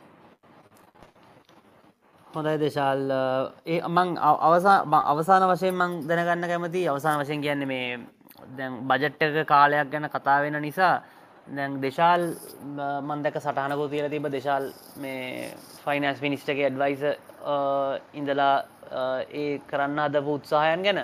දෙශාල්ලත් දැන් වාට ඉන්සයිඩ එක්ස්පිරියන්ස එකත් තියෙනවනේ. දැන් මහිතන දෙශාල්ට බොහම ක්‍රයා කම්බිනේෂන්යක් තියෙන සමහල්ලාට ඔය උපදේශක කට්ටිය නිතරම දේශපාලනයක් එක්කම ඉන්න. සමහර කට්ටිය ඒ පැත්ත දන්න ප්‍රයිවත් සෙක්ට එකේම ඉන්න. දෙශාල් පැති දෙකම දැක්කන. දෙශාල්ට ඒගැන මොකද දෙශාල් හිතෙන්නේ? ගැන්නේ මේ උත්සාහකරොත් දැන් දෙශාලුත් කිව දැන් පිටට යන්න වගේ ඒවට නෑ ලංකාව කට්ටින්දර මේ හදන ට්‍රයියකක් දෙන්න කියලා. දෙශාල්ක එක්ස්පිරියන්ස ගැඩිය මේක හදන්න පුළුවන් තත්වකද තියෙන්නේ? ඇත්තං දෙශාල්ට වැරදුනා කියල හිතරන දෙශාල වැරදිච්ච තැනත් හිතනද මේ මේක ට්‍රයි කරන්න හදලා දෙශාල්ට හිතනද මේක වෙනස් සිදිකට කරන්න තිබ කියල මංකමති පොඩ්ඩ දෙශාල්ගේ එක්ස්පිරියන්සකත් තැප් කරන්න ඇතරම දැන් අනිවාරය මට මං දස්ථා හතයි දෙතස් දහනාමය අතර මේ මං ක්‍රේෂරියක වැඩ කර. ඒකට ඒකට කලින් මට හරි ලේසින් කියන්න පුළුවන් දෙදස් ද කලින් ඕන වෙලාට ආන්දුවට බන්න පුළුවන් මේක මෙහම කරන්න ඕන මෙහම කරන්න ඕන මෙහම කරන්න ඕනේ. ඒ ඇතර ඒ ප්‍රජරික වැඩ කරලා තමයි තේරෙන්නේ මේක ඔක්කොම දැන් අපි කොම්පැනිය කොම්පැන මං කම්පනි ස්කීපට වැඩ කරෙනවා කම්පනි නොනම් ඒ කම්පනයේ හෝල්ඩස් ලටයි එම්පලොයිස් ලටයි කස්ටමස් ලටයි ඒගුලන්ගේ ඒගුලන්ගේ පැත්තිවිතර බාන තියෙන්නේ. දැන් රජයක් හැටිට බලනවන මුළු ඔක්කොම කන්සිකවන්සස් දැනගන්න ඕන. හරි? ඉතින් ඒවකොම් බැලන්ස් කරන්න ගොඩක් ගොඩා කමාරුයි ඉතිං ඇත්තටම මටනං දැන් හොඳර තේරෙනවා මේක මේ බැල වැඩක්නෑ කම්පලේන් කළ වැඩක්නෑ තේරුම් ගන්න ඕන මේ කරන්නද ලේසි නෑ කියලා. ඉතින් ඒක තමයි මට ඇත්තම ගොඩක්ම වටිනා වටිනම මේ එක්ස්පිරියන්ස් එක මේ ටජරෙක් වැඩ කරලා. ඊට ඊට අමතරව නෑ අනිවාරයෙන් දැන් නෑ මං කිව් විදිට හිතන්න දැන් මේ අවුද්ධ මේ අවුදු දෙකතුනක් තියෙනවා ගොඩක් අමාරු වෙයි ලංකාවට. ඒත් ඉදිරියට අපි හරි පාත්තකට ගියානම් ඇතර පොටෙන්ශල් එක ලංකාව තිනවා සෑහන්ඩ පොටෙන්ශල් එක තියෙනවා. දැන් අපේ ලොකේෂණ එකත් එක බැලුවොත් අපි ඉන්දියාව මේ බිලියන එකයි දශම තුනක පොපිලේෂණ එකත් තියෙනවා. චීනේ තවත් බිලින පොපිලේෂණ එකත් තියෙනවා. අපේ එක්ස්පෝර්ට් කරන්න පුළුවන් ඇමරිකාට එක්ස්පෝර්ට් කරනවා යුරපේට එක්ස්පෝර්ට් කරනවා. අපේ ශිපිං පැත්තෙන් සෑහෙන්න මේ ඔපිටිස් න IT පැත්තෙන් ටෙක් පැත්තෙන් ඔගලන් ගොඩක් තුරට දන්න ගන්න අපිට වඩා අප ඔපිටිස් තිනවා ඉතින් ඇත්තටම සෑහෙන්ඩ විදිකට දැන් අපිට ඔප්ටිස් තිනවා මේ අපේ මැක්‍රෝ ප්‍රබ්ලම්ස් ටික ඩෙස් කරන්න පුළුවන්න මංනං හිතනවා මේ මේ අවුරුදු දෙකතුන අමාරුවෙන් කොමරි ගිහිල්ලා ඉදිරියට මේක චාන්සකත් තියෙනවා. ගොඩක් දුරට මේ හරි පාතකට හරි පාතකට ඇවිල්ලා ස්ටැබිලිට අරගෙන ඊට පස්සේ අනිවාරයෙන් වර්ධනය වෙන්න පුළුවන්.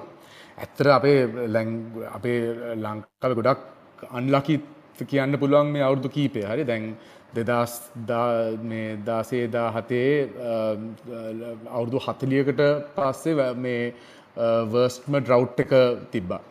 ඊට පස දෙදස් දහටේ කොන්ස්ටියෂන ක්‍රයිසික තිබ දෙදස් දහනමේ ඊස්ට බොමිං එක තිබ දෙදස් විස්සේ විසි එකේ මේ කොරුණ එක තිනවා.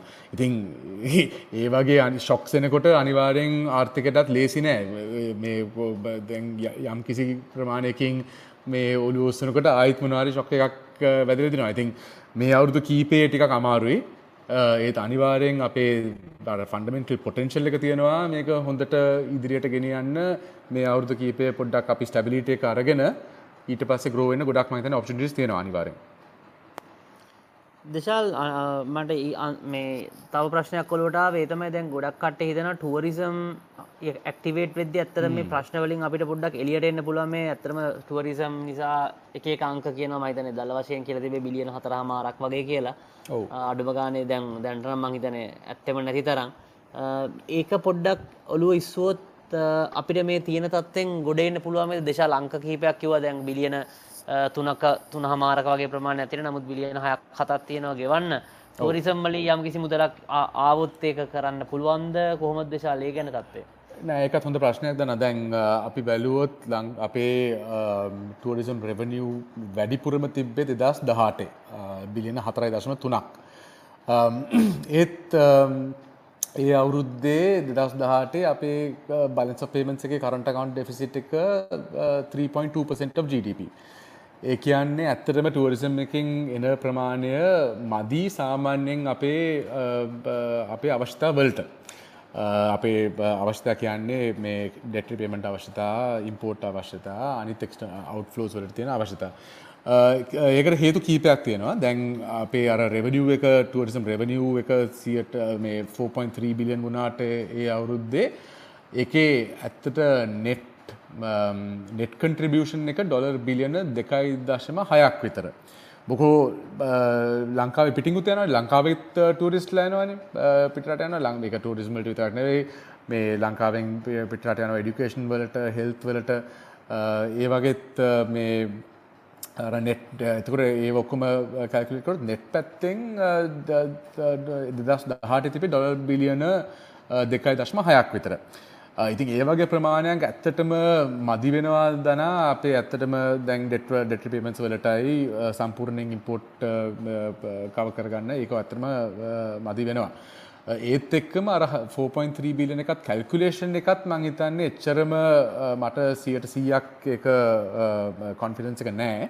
මොක ඒක ගොඩක් ස්ටිමේෂන්ස් වලට තමයි එකලම් කරන්නේ. දැන් එකලම් කරන්නේ ඒ අවුරුද්දේ රයිවල්ස් ටික ගන්නවා. අනිතන්නේ දෙදස් දහට 2.2 මිලියන් විතර රයිවල්ස් තිබ ඒක මල්ටි ඒකලන්ගේ එතකොට එයාපොට් එකෙන් ටුවරිස්ල යනකොට එකලා සර්ව එකක් කරනවා. ඒ සර්වයකෙන් එකලං ආනවා දල වශයෙන් කියක් Uh, දවසකට ඩොලර් කීයක් uh, උගලන් uh, වියදම් කරනවත් කියලා මේ ලංකාව ඉන්නකොට ඒ ගානෙන් එතකොට ඒක වැඩි කරනවා um, ඒකයි දළ වශයෙන් ඉන්න දවස් ගාන ටුවරිස් කෙනෙක් මහිතන ඒ ගාන දවස් දහයක් වගේ.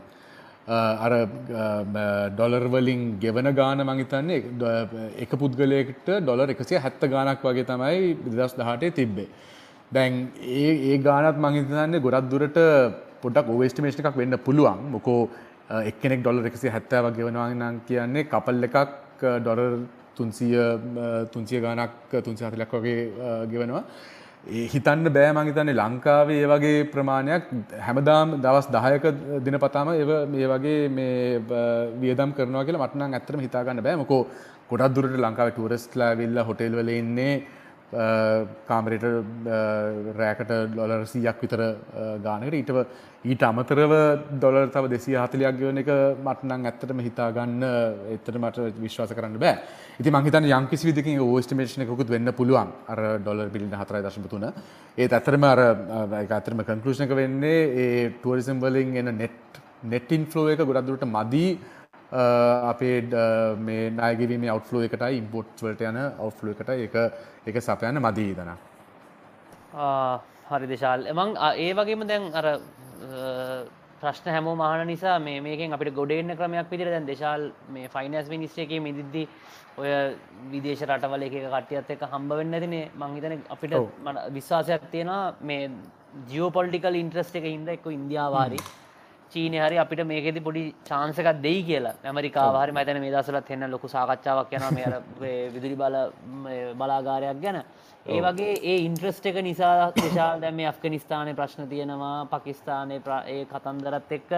එහෙම දෙශාට හිතිල තියෙනවා දෙහෙම චාන්ස එකක් තිය කියල විශේෂම කලින් හිට මුදල් ඇමතුමා මේ ෆොරින් මිනිස්ටත් වෙලා හිටපු නිසා එහම දෙශාට ඉන්ඩිකේෂනයක් ඇවිල්ල තිනද මේ අප එච්චරට වැදගත් නිසා මේ ජියෝපොල්ටිකල් ඉන්ට්‍රස්ට එක නිසා අපිට හැම මුදව් කරයි වගේ අදහස මෙහමයි. දැන් මහිතන ගොඩක් දුරට ඒ වගේ ජියපොලිටිකල් ඉන්ට්‍රස්ට එකත් එක්කම ඒගලන්ගේ මේ කෙබ්බිලිට එකක් තියෙන්න්න ඕනේ රිස ඒගලන්ගේ සල්ලි තියෙන් ඇති ප්‍රමාණ තියෙන් ලංකාවට දෙන්න පුළන් විදිට දැන් එහෙම බැලුවොත් ඇතරම චීනි තමයි ගොඩක් දුරට මේ ඉදිරියෙන් ඉන්න ඒ වගේ ඔප්ෂන් එකත් තියෙනවා නම් ඒත් ඒ වගේ රටකුත් ඒගලම් බලන්නේ දැන් ලංකාවට මේ වගේ තත්ත්වයක තියෙද්දී ඒක ලංකාවට සල්ලි දුන්නොත් ඒ සල්ලි පාවිච්චි කරන්නේ අර Goldman Sachs Citi bank bank of America ඒ වගේ ක්‍රඩිටර්ස්ලට ණය ගෙවන එකනේ ඉතින් ඒගලංගුත් කැමති නෑ ඒ වගේ ඒ වගේ ඒගලන්ගේ සල්ලි ඒ වගේ මේ පර්පස් එකට පාවිච්චි කරන එක. දැන් ඒක ඇතර හොඳර හොඳම උදාහරණය දැන් චීනයේ ඇත්තටම දෙදස් විස්සේ ඉඳං ලොකු සපෝට් එකක් දුන්න. ඩොලර් බිලියනයක් බිලියනයක් වගේ නයක් දුන්නා මේ දෙදස් විස්සේ අප්‍රේල් මාසේ දෙදස් විසියගේ අප්‍රේල් මාසේ. ඒත් ඊට පස්සේ දෙදස් විසි දෙදස් විසි එකේ ඔක්කොම එකලන් දුන්න Um, uh, දුන්න මේ ඒඩ් එක uh, ඩොලර් වලින් නෙවෙයි ඒගොල්ලන් දුන්නේ යුවන් වලින්. ඒක චීනෙම තියෙන කරන්සි එකෙන්. Uh, එතකොට ඒක අපිට ඇත්තට අපිට අපිට පාවිච්චි කරන්න කරන්න පුළුවන් මේ ඒක එක්ක චීනෙන් ඉම්පෝර්ට්ස් වලට මේ වියදම් කරන්න පුළුවන් නැත්නම් චීනෙන් තියෙන ණය වලට ඒකෙන් ගෙවන්න පුළුවන්. ඒත් ඒ යුවන් වලින් ගෙවන්න බෑ ඇමරිකාවෙන් ඇමරිකානු ඩොලර් වලින් තියෙන අපේ ලයබිලිටිස් වලට. ඉතින් චීනෙන් සපෝට් එකක් යම් කිසි විදිහකින් තියෙනවා ඒත් ඒ මට පේන විදිහට ඒගොල්ලන්ගේ වැඩි කැමැත්තක් නැහැ ඒගොල්ලන්ගේ ආධාර අරගෙන අපි අර මේ පිටරට බැංකු වලට ණයක වෙන එක. ඒගොල්ලන්ගුත් මං හිතන්නේ කැමති ලංකාවත් අපේ අතර අර මේ හරි ක්‍රමයට ගිහිල්ලා ඩිසිප්ලින් එකත් එක්ක මේ අයවැය හොඳට පාලනය කරලා එතකොට ඒ පැත්තෙන් මේ ගොඩෙන්න තමයි මං හිතන්නේ ඒගොල්ලන්ගේත් අදහස තියෙන්නේ. ඉතින් මං හිත මං ඒගොල්ලන්ගේ දැන් ලංකාවේ අනිවාර්යෙන් අර ජියෝපොලිටිකල් ඉම්පෝර්ටන්ස් එක තියෙනවා. ඒත් මං හිතන්නේ ඒක ඒක ඒක මදිවෙයි මේ වගේ මේ වගේ තැනකින් අර සල්ලි වලින් ගොඩෙන්න මං හිතන්නේ ඒක ඇත්තටම ඒක හරියන්නේ නැහැ. දෙශාල් දැන් අපිට තියෙන විසඳුම් සීක්වන්ස එක විදිරගත්තොත් දෙශල් මොනාද දැන් දෙශල් කිහිපයක් කිව්වා? ඊට අමතරව මේ මොනහරි ඒජන්ලි කරන්න ඕන දේවල් තියෙනවාද? විශේෂෙන් බජට් එකත් හදර නිසා ඒකෙදී වැඩිපුර ෆෝකස් කරන්න ඕන දේවල් දේශාල් හිතනවාද? මොනහරි දෙයකට අපි වැඩිපුර බරතියන්න ඕන කියලා. මේකට විසඳුම් විදියට දේශාල් තව මොනහරි අලුත් වෙන සදහස් තියෙනවද? මේක මේ තත්වයෙන් පොඩ්ඩක් අපිට ඔලු උත්ස ගන්න පුළුවන් තත්ත්වයක් ඇති කරගන්න අන්න අනිවාරෙන් ෆස් මයිස්ටෝන එක තියෙන බජට් එකෙන්. බජට් එකේ තමයි මං ඉස්සලම කියපු විදිට ඒ බජට් එකෙන් ඇතරම පාර පෙන්වන්න ඕනේ. මෙහෙම අපේ සැලස්මක් තියෙනවා. අපේ අපේ ණය පාලනය කරන්න අපේ අයවැය පාලනය කරන්න.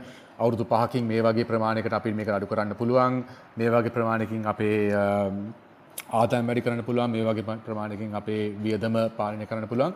ඒක ක්‍රෙඩිබල් ප්ලෑන් එකක් තියෙන්න ඕනේ. ඒක මේ අනිවාර්යෙන් මේ අයවැයෙන් ඒක ඉදිරිපත් කරන්න වෙනවා. ඒකත් එක්කම කරන්න තියෙන්නේ අපේ දැනට තියෙන එක්ස්ටර්නල් ක්‍රඩිටර්ස්ලත් එක්ක සාකච්ඡාවකට එන්න අවශ්‍යයි.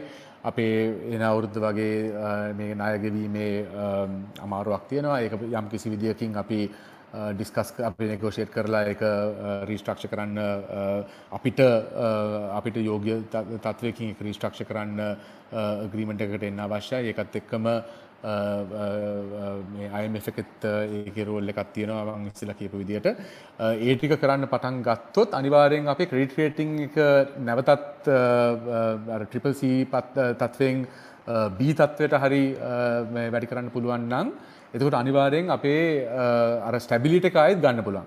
එතකොට අපේ දැනට තියෙන ප්‍රශ්න ටික ඔක්කොම මේ ඩොලර් හිඟය එකත් එක්කම තියෙන මේ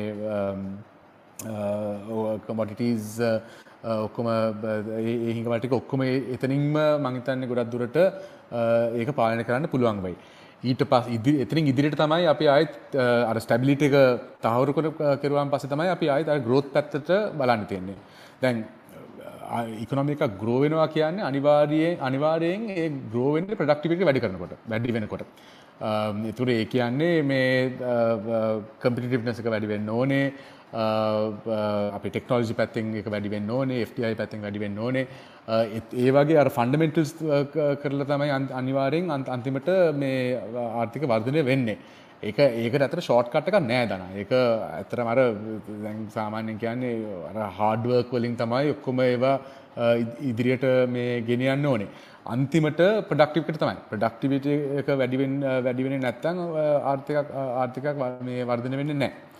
ඉතිං එහෙම තමන් හිතන ඉදිරිට යන්න ඕන. ඉස්සෙල්ලාම අයවැයෙන් පටන්ගෙන ඊට පස්සේ ක්‍රිටස්ටත් එක සාකච්ඡා කරලා ක්‍රඩිට රේටිං එක වැඩි කරගෙන ඊට පස්සේ එතනින් ඉදිරියට අපේ ප්‍රඩක්ටිවිටි පලිදායතාවය වැඩි කරගන්න මේ සැලැස්මක් හදාගන්න වෙනවා. එහෙම තමයි මං හිතන්නේ පාත් එක තියෙන ඉදිරියට. තව දේශාල් මොනහරි අවසාන වශයෙන් කියන දෙනද කාලිංග ප්‍රශ්න මොනහරි තියෙනවද අපිට කතා කරන්න කතා ඒක තමයි. අපි තැංකව දන මේ තැංකු දේශාල් මේ මංහිතන්න අපි ඔඩිය අපි පෑකටත් වැඩි කාලයක් ගිය පැක් කියලා හිත හදාගෙනාවට තැංකව අවඩියන්ස එකට පුළුවන් හැන්රේස් කරලා කොෂන් සහන්න ලංගේෂ් දෙක පාචි කරන සිංහලෙන් ඉංගලිශ්ලින් අහන්න පුලන් තමට කම්ෆට බල්ලකින් අහන්න ගැටලුවක් නෑ uh, Um, uh, මට හැන්රෙස් කරපු එකනෙකට මඟට චාන්සක uh, දෙන්න ඊට පස්සේ කට්ටියට අහන්න පුළුවන්. මතක තියාගන්න මේ එපිසෝඩ් එක අපි රෙකෝඩ් කරන එපිසෝඩ් රෙකෝඩ් කරනගේ පොඩ් කාස්ට ද ටෙක් කතාගේ රිලිස් වෙනවා. ඉනිසා තමන්ට මොනහරි සෙන්සිටව් දේවල් තියෙනවනම් කෝෂණ එකක් විදිර තමයි කිවේ මයික් රික්වස් කරොත් මට මයික් ෂූ කරන්න පුළුවන්. ඒ එන්න පිළිවෙලට කොෂ්ෂන් uh, එක අහන්න පුළුවන්. Uh, ඊට පස්සේ කට්ටියට කතා කරන්න පුළුවන්. දෙන්නෙක්ට මයික් ඉෂූ කරා. බලමු.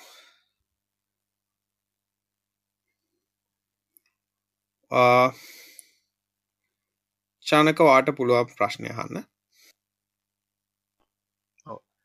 මේ දැන් හැමෝම කතා කරනවා මේ කරප්ෂන්ස් කියන එක ගොඩක් බලපානවා කියලා මේ ආර්ථික ලංකාවේ ආර්ථිකයට ගැන්නේ ගොඩ කලට දේශපාලනය හරි රස ව්‍යාපාරිකයෝ සාමාන්‍ය මිනිස්සු හැමෝම. කරප්ෂන්ස් කියන එක ගොඩක් වෙනවා. එතකොට මට තින ප්‍රශ්න තමයි ඇත්තටම එක ලොකු බලපෑමත් තියෙනවද? මේ දැන්ති කියෙන ලංකාවේ ආර්ථිකය මේ මෙහෙම වෙන එකට එවනත්තං ඒක ලොකු සම්බන්ධයක් නැද්ද? එක තම මගේ පලෙන් ප්‍රශි තව එකක් තියෙනවා මේ ලංකාවේ දැන් සාමාන්‍යයෙන් අපි ගත්තොත් ටෙක්නොලජි ඇත්තෙන් ගොඩක් කලාට පිටිපස්සේ ඉන්නේ මේ රජය ආයතනය. කියන්නේ දැන් පොලිසිට ගියත් අපි පැමිණිල්ලත් දාන්න ගියත් මේ සියර් පොතකන ලියන්න. ඒවගේ අපි ටෙක් පැත්තෙන් ගොඩක් පිටිපස්ස ඉන්නේ රජය ආයතන සහ ගොඩක් වෙලා රජායතන තොර ඒක ඇත්තම් බලපාල තියනවාද? නැතං රට ආර්ථික දියුණු කරන්න පුළුවන්ද ටෙක් පැත්ති මොනහරි ඉස්සරහට ගියොත්? හොඳ ශනකමං කලින් මවතු උතර දෙන්නද? නැත්තං අපි ප්‍රශ්න දේශාල්ට උත්තර දෙන්න නොමොකද මට දෙන්න හොඳයි නෑ හොඳ ප්‍රශ්නය ශානක. දැන් අනිවාරයෙන් අර කරප් කරප්ෂන් පැත්තෙන් උත් ඒක මේ ආර්ථික වර්ධනයට ආර්ථික දියුණුවීමට බලපෑමක් තියෙනවා. දැන් අපි බැලුවොත් ඉන්දියාවගේ වගේ රටක් චීන වගේ රටක් සෞත් කොරිය වගේ රටක් ඒ රටවල් වල කරප්ෂන් නෑ කියලා කියන්න බෑ. හරි අනිවාරයෙන් ඒ ඒ වගේ රටවල් වල කරප්ෂන් තියෙනවා. ඒත් දැන් ඉන්දියාවගේ රටක් බැලුවොත් දැන් විදේශක ආර්ථිකයෙක් විදේශක විදේශ ආයෝජකයෙක් බැලුවොත් ඒලා එයා හිතන්නේ මෙහි ඉන්දියාවේ අනිවාර්යෙන් කරප්ෂන් තියෙනවා ඒත් ඒගලන්ගේ පොපිලේෂන එක තියෙනවා බිලියන 1.3ක් මාකට් සයිස් එක හිතන්න හිතන්න මේ බැරි තරමට මේ ඔප්චනිටි එකක් තියෙනවා. ඉතින් ඒගොල්ලන් අර කරප්ෂන් එකත් එක්කම අනිවාර්යෙන් කොහොම හරි මේ ආයෝජන කරලා බිස්නස් කරලා ඒගොල්ලන් ඉදිරියට යනවා ඒ වගේ රටවල් වල. Um, දැන් ලංකාවේ රටව ලංකාවේ වගේ රටක් බැලුවොත් ඇත්තටම ඒ වගේ um, um, ට්‍රක්ටිව්නස් එකක් නෑ. Uh, පිටරට ආයෝජකයන්ට හරි. අපේ තියෙන්නේ ඇත්තටම අපේ ලොකේෂන් එකයි අපේ ඊස් of doing business එක ඒ වගේ ඒ පැත්තෙන් තමයි. එතකොට අපි අපේ වගේ රටක අපේ දැන් තෙල් එහෙම නෑ ඒ වගේ ලොකු ලොකු ලොකු ලොකු සම්පත් නෑ අර ඉන්වෙස්ට්මන්ට් පැත්තෙන් ඇට්‍රැක්ටිව්නස් එකකට. දැන් මේ අපේ වගේ රටකට එතකොට කරප්ෂන් එකේ කොස්ට් එක එතකොට වැඩි. මොකෝ යම් කිසි ප්‍රමාණයකට කරප්ෂන් එක වැඩිපුර වැඩියෙන් තියෙනකොට එතකොට ආයෝජකයන් හිතන්නේ මේක ඒ කොස්ට් එක අපිට මේ වටින්නේ අපි යනවායිට සෞත් කොරියාවට නැත්නම් මලේසියාවට වගේ නැත්නම් වෙනත් රටකට. ඉතින් මේ කරප්ෂන් එක අනිවාර්යෙන් ඒක බලපෑමක් තියෙනවා. ලංකාව වගේ වට රටවල් වලට ඒක වැඩිපුරින් මේ ඒ ඒ ප්‍රශ්නේ බලපානවා අනිවාර්යෙන්. ඒකත් එක්කම අනිත් ප්‍රශ්නය ඇහුවේ මේ ටෙක්නොලොජි පැත්තෙන් රජයේ ගාමන් සර්විසස් වලට තියෙන මේ ටෙක්නොලොජි ඒක ඒක ඒක සම්පූර්ණයෙන්ම පිළිගන්නවා. ගොඩක් දුරට අපේ මේ ගාමන් සර්විසස් වලට ටෙක්නෝජි පාචන අඩුයි. එතකොට ඒකෙන් එෆිෂන්සික අඩු වෙනවා ඒකේ කොස්ට් එක වැඩි වෙනවා. ඉතින් අනිවාර්යෙන් ඒක ඒක බලපානවා මේ රජයේ කොස්ට් එකටයි සර්විස් ඩිලිවරි දෙපැත්තටම දෙපැත්තටම. ඉතින් නෑ මං සම්පූර්ණයෙන් එකක වෙනවා ඒ ඔයගේ ස්ටේට්මන්ට් එකට. ඒක අනිවාර්යෙන් ඒක ඒක බලපානවා. thank you Janaka. ඒකට දෙශාල් මං එක දෙයක් එක්මට එකතු කරන්න පුළුවන්ද මට මේ කියන්න කියන්න මේ අර මහිතන්නේ ටෙක්නෝලජික පාවිච්චි කරන එක දෙශා කිව්වා අර ප්‍රඩක්ටිවිටික තමයි වැඩි කරන්න ඕන කියලා මේ මහිතනව ඉඩම් වලට නම් ඇත්තරම ඉඩම් වලට කිවමනේජමන් සිස්ටම් වගේ පොඩි පොඩි දේවල්දාල ඇත්තරම ප්‍රඩක්ටිවිටියක සෑහෙන්න වැඩි කරන්න පුළුවන් මේ ඒකෙන් ලොකු දෙයක් කරන්න මහිතන ඉඩම් වලට තමයි මේ කරන්න මන්දක හැබැයි වර්තමාන මේ කවද අපේ අධිකරණය මතිතුමත් මේ අර උසාවි ක්‍රමයක්ම හඳුනල දිල තියෙන පොඩි පොඩි සෙටල්මන්ට් වලට එම මොද මහිතනයක හරි වැදගත්. මොකද රුපියල් මිලියනේ දෙකේ පොඩි පොඩි සෙටල්මන්ල නැත්තම් උසාවිගාන ගිල්ල අවුදු හයක් කතා ක්‍රස්යාද වෙන්න ඕන. තොඩිතින් බිස්සයක් කරගන්න අමාරුයි. අනිත්තක ඉඩම්වලට ඕක මහිතන ටියක් ආන්දෝලනාත්මක කතාව කර MCC ගිවිසුමත් එක්ක තිබුණාර ඉඩම් ගැන කතා කරන එක. මහිතන ගිවිසුම පැත්තකින් තියමුක අපේ. නමුත්තර ඒක තිබුණාර ඩිජිටලි මැප් කරන්න. එතකොට ඉඩම පවරද්දිම දැන් ගෙනල්ල මැනගෙන අරවා මේව කරගෙන ඔප්පු දාගෙන පත්තිරු ලියාගෙන උසස ප්‍රශ්නයක් වුණාට පස්සේ අවුරුදු විස්සකින් මෙහාට නඩුව ගොඩ දාගන්න හම්බෙන්න. මේ ඒ වගේ දෙයක් ඇත්තරම කරගන්න පුළුවන්කම තිබුණා.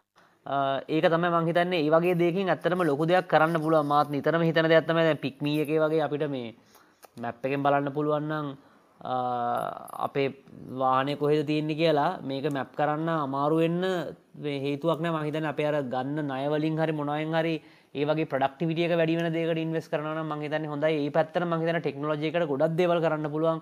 මතන ඩේට නිතරම ඉන්ට කරන ඩේට රිඩන්ඩන්සි ගොඩක් තියෙනවා. එකම මගේ දැන් යාලුවෙකුත් කිව අයිඩ කාඩ්ක නැති වෙලා ඩයිවිල් ලයිසන එක තියෙන හැබයි ඩයිවිල් ලයිසන කරංගයාම පාස්පෝට් එක ඉශු කරන්න එත ඩයිවිල් ලයිසන් එක ආයපාරක් ගිහිල්ලා අයිඩි කාඩ්ඩක් ගන්න එකට ආයපාර උපැන්න කොපියක් කිල්ලනවා එකට ආය උපැන්න කොපියක් කරගන්න ඒවගේ මහිතන්නේ ගොඩක් දේවල් තියෙනවා නිතර නිතර වෙන. ඒවගේ දේවල මහිතර ප්‍රඩක්ටිවිටියකට යම් ප්‍රමාණයක බලපෑමක් කරන්න පුළුවම එත එකරන්න සම්පූර්ණ එකඟ වෙනවා. තැංකව දශාල් දන අදිති ඔයාට පුළුවන් කොෂණ එක අහන්න. තැංකු කලින්ග මට අහන්න ඕන වනේ දැන් දෙශාල් ඔයා කලින් කිව්වනේ මේ මොනාද නැචරල් ඩිසාස්ටර්ස් එහෙම ඇවිල්ල තියෙනවා පහුගේ කාලේ ලංකාවේ හෙම කියලා. අපිට ක්ලයිමට් චේන්ජ් කියන එක වොයිඩ් කරන්න බැරි දෙයක් නෑ හැමෝටම හැමතේම ක්ලයිමට් චේන්ජ් ඉෂුස් ඇති වෙනවා ඉස්සරහට. ඉතින් ඒක ක්ලයිමට් චේන්ජ් මිටිගේට් කරන්න මොනහරි අපේ ආණ්ඩුවේ ප්ලෑන් එකක් තියෙනවද? එහෙම නැත්නම් ඇන්ටිසිපේට් කරලා ඒකට කොස්ට් එකක් ඉයර්ලි කොස්ට් එකක් ඇන්ටිසිපේට් කරලා තියෙනවද? ඒක සම්බන්ධයෙන් ඉස්සරහට මොනවද දැන් අපේ රජයේ තියෙන ප්ලෑන් එක හරි මොනා හරි ඒ වගේ දේවල් තියෙනවද කියලා දැනගන්න තමයි ඕනේ හොඳ ඇද තැංක ඇත්තර මහිතන ගොඩක් ගොඩක් රටවල් වල යම් කිසි විදිියකින් කලයිමට චේන්ජ් වලට මේ මිටිගේෂන් ස්ටඩජීස් එක එක උපක්‍රම දැන් යොම් කරලා තියෙනවා. දැන් ලංකාවෙත් මට මතක හැටියට දැන් මංකිව දෙදස් දහනමේ දෙදස් දහටේ අයවැයේම එක එක සැරැස්ම තිබ්බා. රිවර් බේසිංස් වල වලට මේ ඒව ප්‍රටෙක් කරගන්නයි. මරීන් කොන්සර්වේෂන් ඒවලටත් එක එක ආයෝජන සැරස්මන්ත සැරැස්ම තිබ්බ.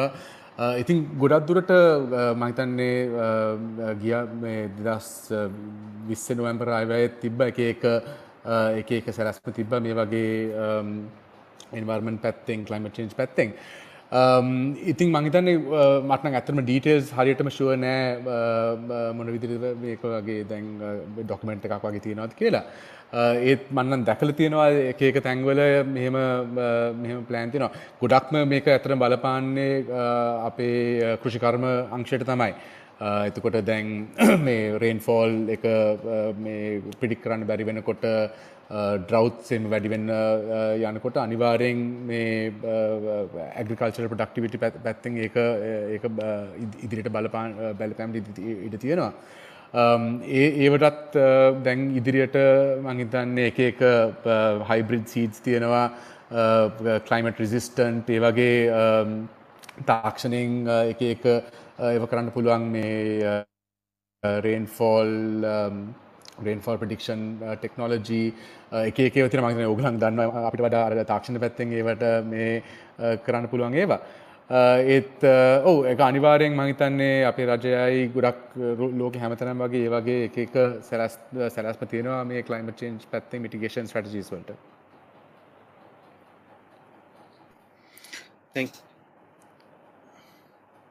අදිතිවාට තව කෂණ එක තියෙනනම් අහන්න පුළුවන්.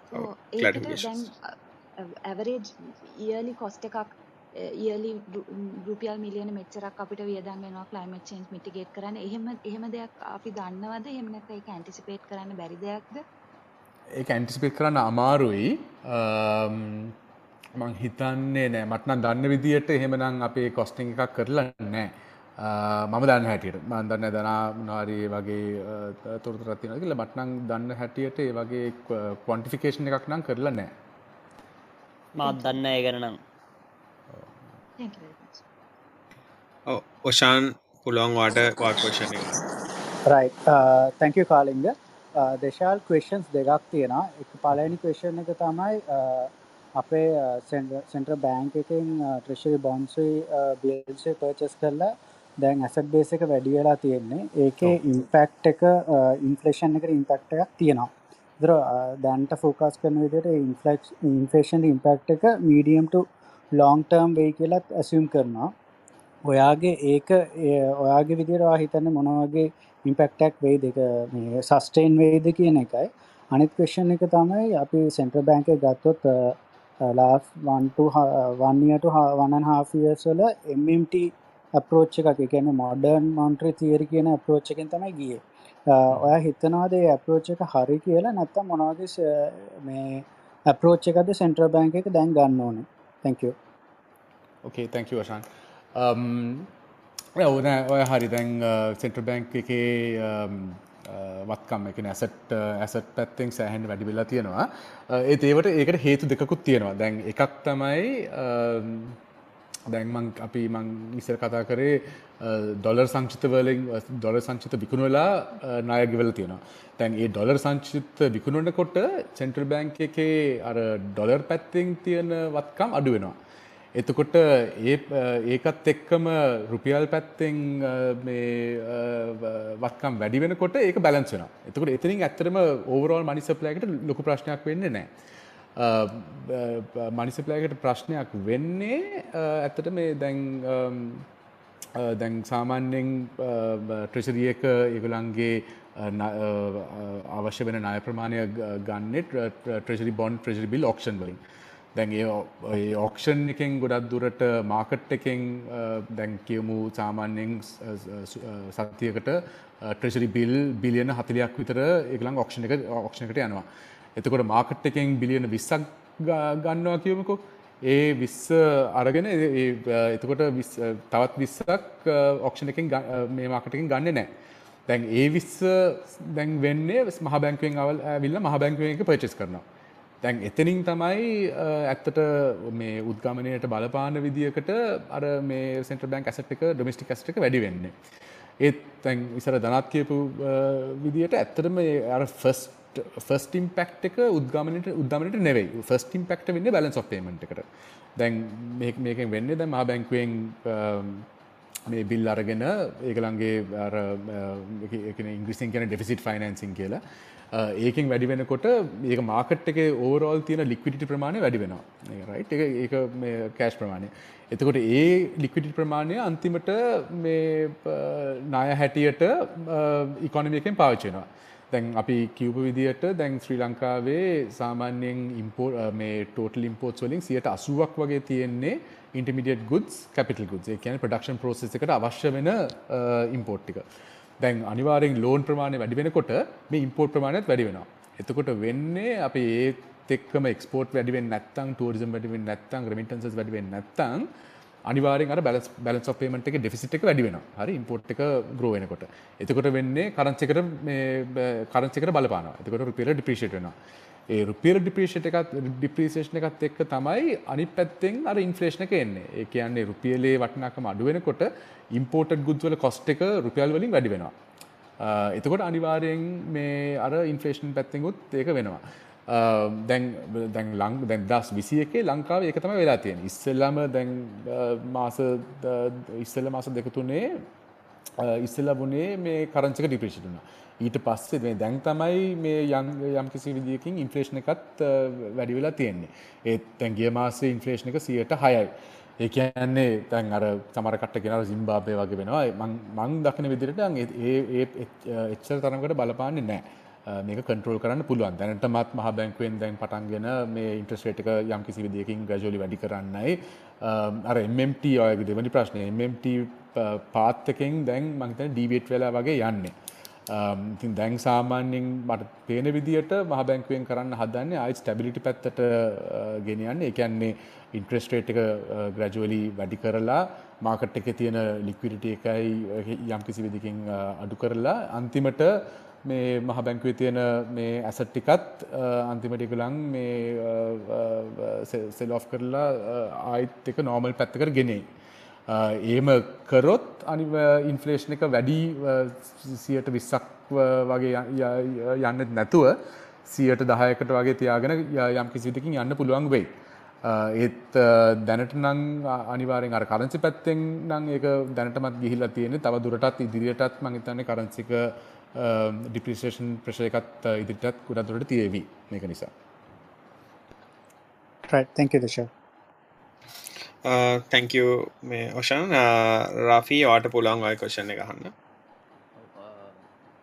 දැන් අර මේ ඉන්ටස් රේට් එක ගැන කතා කරගින්ද මේ ඉන්ටස් රේට් එක දැන් කොමත් දැන් පාලැවිල්ල තියෙන්නේ. ඔවට යුකේ වගේ දැන් නෙගටව ඉන්ටස්ටේට් එක වගේ යන්න පුළුවන් තියෙන that's the සකන්න එක මේ සල්ලි අච්චු ගාන එක. නිවාට කබ්ලලු තාපු ගමන් බිලියන ගානක් මේ පින්ක් කර. ඒකෙන් අපේ ෆියච ඉකනොමියකට ඩිම්බද රුපියක ඩිපිෂේට් වෙයිද? ඔව නෑ දැන් නෙගට ඉන්ට්‍රස් රේට් දැන් ඇතර අප ඉන්ට්‍රස් රේටස් බැලුවොත් සාමාන්‍යයෙන් බලන්න තියෙන්නේ රියල් ඉන්ට්‍රස් රේට් එකයි නොමල ඉන්ට්‍රස් රේට් එකයි. හරි? දැන් රියල් ඉන්ට්‍රස් රේට් කියන්නේ දැන් කියමකෝ වන්ය ට්‍රෙසරි බිල් එක සියට හාය දශම පහයි. හරි? එතකොට ඒක තමයි නොමිනල් ඉන්ට්‍රස් රේට් එක 6.5%. එතකොට අප බැලුවොත් um, ඉන්ෆලේෂන් එක දැන් ඉන්ෆලේෂන් එක කිව්වොත් මෙන් හිතන්නේ uh, අගෝස්තු මාසේ සියට දශ uh, මේ සික්පසෙන්ට් uh, වගේ තිබ්බේ. එතකොට ඇත්තටම රියල් ඉන්ට්‍රස් රේට් එක තියෙන්නේ සියට බිඳුව දශම පහයි. ඒ කියන්නේ නොමිනල් ඉන්ට්‍රස් රේට් එක මයිනස් රියල් ඉන්ට්‍රස් රේට් එක. ඒතර ඇත්තටම රියල් ඉන්ට්‍රස් රේට් එක 0.5. එතකොට අපි බැලුවොත් මාස කීපකට කලින් මේ රියල් ඉන්ට්‍රස් රේට් එක නෙගටිව් පැත්තට ගිහිලා තිබ්බේ ලංකාවේ. Um, ඉතින් ගොඩක් දුරට දැන් ඔයාකිපු අනිත් අනිත් රටවල් වල මේ uh, ඉන්ට්‍රස් රේට් එක 100ට දෙකක් වෙන්න පුළුවන්. ඒගලන් ඉන්ෆලේෂන් එකත් ගොඩක් දුරට එක්ක සියට එකයි නැත්තන් සියට දෙකයි නැත්තන් බින්දුව වගේ වෙන්නත් පුළන් ජපානෙත් ඒ වගේ. ඇමරිකාවෙත් ගොඩක් දුරට ඒ වගේ. ඉතින් ඇත්තරම ඉන්ට්‍රස්ටේට කියල බලන්නකොට බලන්න තියෙන මේ රියල් ඉන්ට්‍රස්ටේට එක. ඒ කියන්නේ නොමල් ඉන්ට්‍රස්ටේට එකයි ඉන්ෆලේෂන් එකයි අතර තියෙන පරතරය. Uh, එතනින් තමයි බලන්න පුළුවන් ඇත්තට මේ රියල් ඉන්ට්‍රස්ටේට් එක uh, වැඩි අඩ්ද කියලා. ඉතින් ලංකාව ඇත්තටම තාම ගොඩක් දුරට රියල් ඉන්ට්‍රස්ටේට් එක ගොඩක් අඩු තරමට තියෙන්නේ. මාස කීපයට කලින් ඒකත් නෙගටිව් uh, පැත්තකට ගිහිල තිබ්බා. Uh, මුදල් අච්චු ගහනක් ගැන ඇහුව මගේ ඉස්සලත්මට කතා කර. Uh, ඒක ඇත්තරම ප්‍රශ්නයක් වෙන්නේ මේ ඉකොනමික නෝමල් පැත්තකට එනකොට. දැන් ගිය අවුරු දෙදස් විස්සේ e-, ඉකොනමික සම්පූර්ණයෙන් රිසේෂන් පැත්තට යනකොට මේ මුදල් අච්චු ගහන එක ප්‍රශ්නයක් වෙන්නේ නැහැ. මොකෝ පුද්ගලික අංශයේ වැඩි ඉල්ලුමක් නැහැ. ඒ කියන්නේ ඒ රජයෙන් වැඩිපුර ඉල්ලුමක් යොමු කරන්න පුළුවන් මේ එක්සස් ඩිමාන්ඩ් එකක් ක්‍රියේට් කරන්න නැතුව. ප්‍රශ්නය වෙන්නේ එක්සස් ඩිමාන්ඩ් එකක් එනකොට. දැන් ඩිමාන්ඩ් එක සප්ලයි එකට වඩා වැඩි වෙනකොට අනිවාර්යෙන් ප්‍රයිස් එක ඉහළ යන්න ඕනේ. ඒක තමයි අපේ මේ සාමානෙන් ආර්ථික විද්‍යාවේ මෝස්ට ෆන්ඩමෙන්ටල් ඉක්වේෂන එක. ඩිමාන්ඩන් සප්ලයි ඩිමාන්ඩ වැඩිකරු වෙනකොට මේ ප්‍රයිසික වැඩි වෙනවා. Um, ඉතින් දැන් uh, මේ රිසේෂන එකක් තියෙනකොට අනිවාරයෙන් ඇග්‍රිකෙට් ඩිමාන්ඩ් එක ආර්ථිකය අඩු වෙලා තියෙන්නේ. ඉතින් වැඩිපුර මේ මුදලච්චු ගහලා රජයෙන් රජය පැත්තෙන් uh, ඉල්ලම වැඩි වුණත් ඒක ඇතරම මේ uh, උද්ධාමනයට වැඩිය වැඩිය බලපාන්නේ නෑ මේ අර මනිෆෙස්ටේෂන් එක එන්නේ ඉකොනමික නෝමලයිස් වෙනකොට ඉකොනමික රිකාව වෙනකොට. එතකොට තමයි යම් කිසි විදිකින් අර එක්සිස් ට්‍රටජි එකක් තියෙන්න ඕනේ මුදල් අචු ගහන එකෙන්. එතකොට අලුතින් අප ලික්විඩිට එක මේ ආයිත් ආයිත් එක මේ මහබැකුට ගන්න ඕන. එක එම ක්‍රම තියෙන කරගන්න. දැන් එමරිකාවෙත් ඒවක තමයි කරන්නේ. එමරිකාවේ තර දෙදස් නාමේ නමය තිබ්බ රිසේෂණ එකත් එක්කම එකලන් ගොඩක් දුරට මේ මුදල් අච්චු ගහන්න පටන් ගත්තා. ඒත් ඊට පස්සේ යම් කිසි විදිහකින් ඒගොල්ලන්ගේ කායිත් අර මොකක්ද ඒගොල්ලන් කියන්නේ ටේපරින් කියලා ඒක මේ ආයෙත් අඩු කරලා උද්දමනය කන්ට්‍රෝල් කරගන්න පුළුවන්. ඉතින් ඒක මේක කන්ට්‍රෝල් කරන්න විදියක් විදි තියෙනවා ක්‍රමවේද තියෙනවා. ඒත් දැන් මං කියපු විදිහට ලංකාවේ නම් දැනටමත් අර කරන්සි පැත්තෙන් ඒක ඒ ඩිප්‍රිසියේෂන් එක දැන් වෙලා තියෙන. ඉදිරියටත් රබර් ඩිප්‍රිසියේෂන් එකත් යන්න පුළුවන්. ඒක නම් ඒත් මං හිතන්නේ උද්දමනය ගොඩක් දුරට කන්ට්‍රෝල් කරන්න පුළුවන් වෙයි වැඩි මේ 10ක් 10ක වගේ ප්‍රමාණයකට අඩු කරගෙන කන්ට්‍රෝල් කරන්න පුළුවන් වෙයි. ඒත් ඒ ඒ කරන්න පාත් එකක් තියෙනවා. ඒක ආයිත් දැන් මේ වගේ තත්ත්වකින් වැඩි තවත් ඉදිරියට ගොඩක් මුදල් අච්චු ගන්න ගියොත් ඒක කරන්නම් බැරි වෙයි. ඒත් මහ බැංකුවෙන් දැනට තියෙන ප්‍රතිපත්තිය අනුව දැන් මේ ළඟති ගිය සුමාන දෙක තුනේ තියෙන ප්‍රතිපත්තිය අනුව ගොඩක් දුරට ඉන්ට්‍රස්ට් රේට් එක නැවතත් හිමීට වැඩි කරගෙන මේ ඔක්ෂන්ස් ටික සාමාන්‍යයෙන් මේ නෝමල් ප්‍රයිස් එකට කරගෙන යනකොට නම් ඒක මුදල් අටු ගන්න අවස්ථාවත් අඩු වෙයි. ඉතින් එහෙම කරගෙන ගියොත් මං හිතන්නේ මේ උද්දාමනය පාලනය කරලා ඉදිරියට යන්න පුළුවන් වෙයි ඉදිරියට.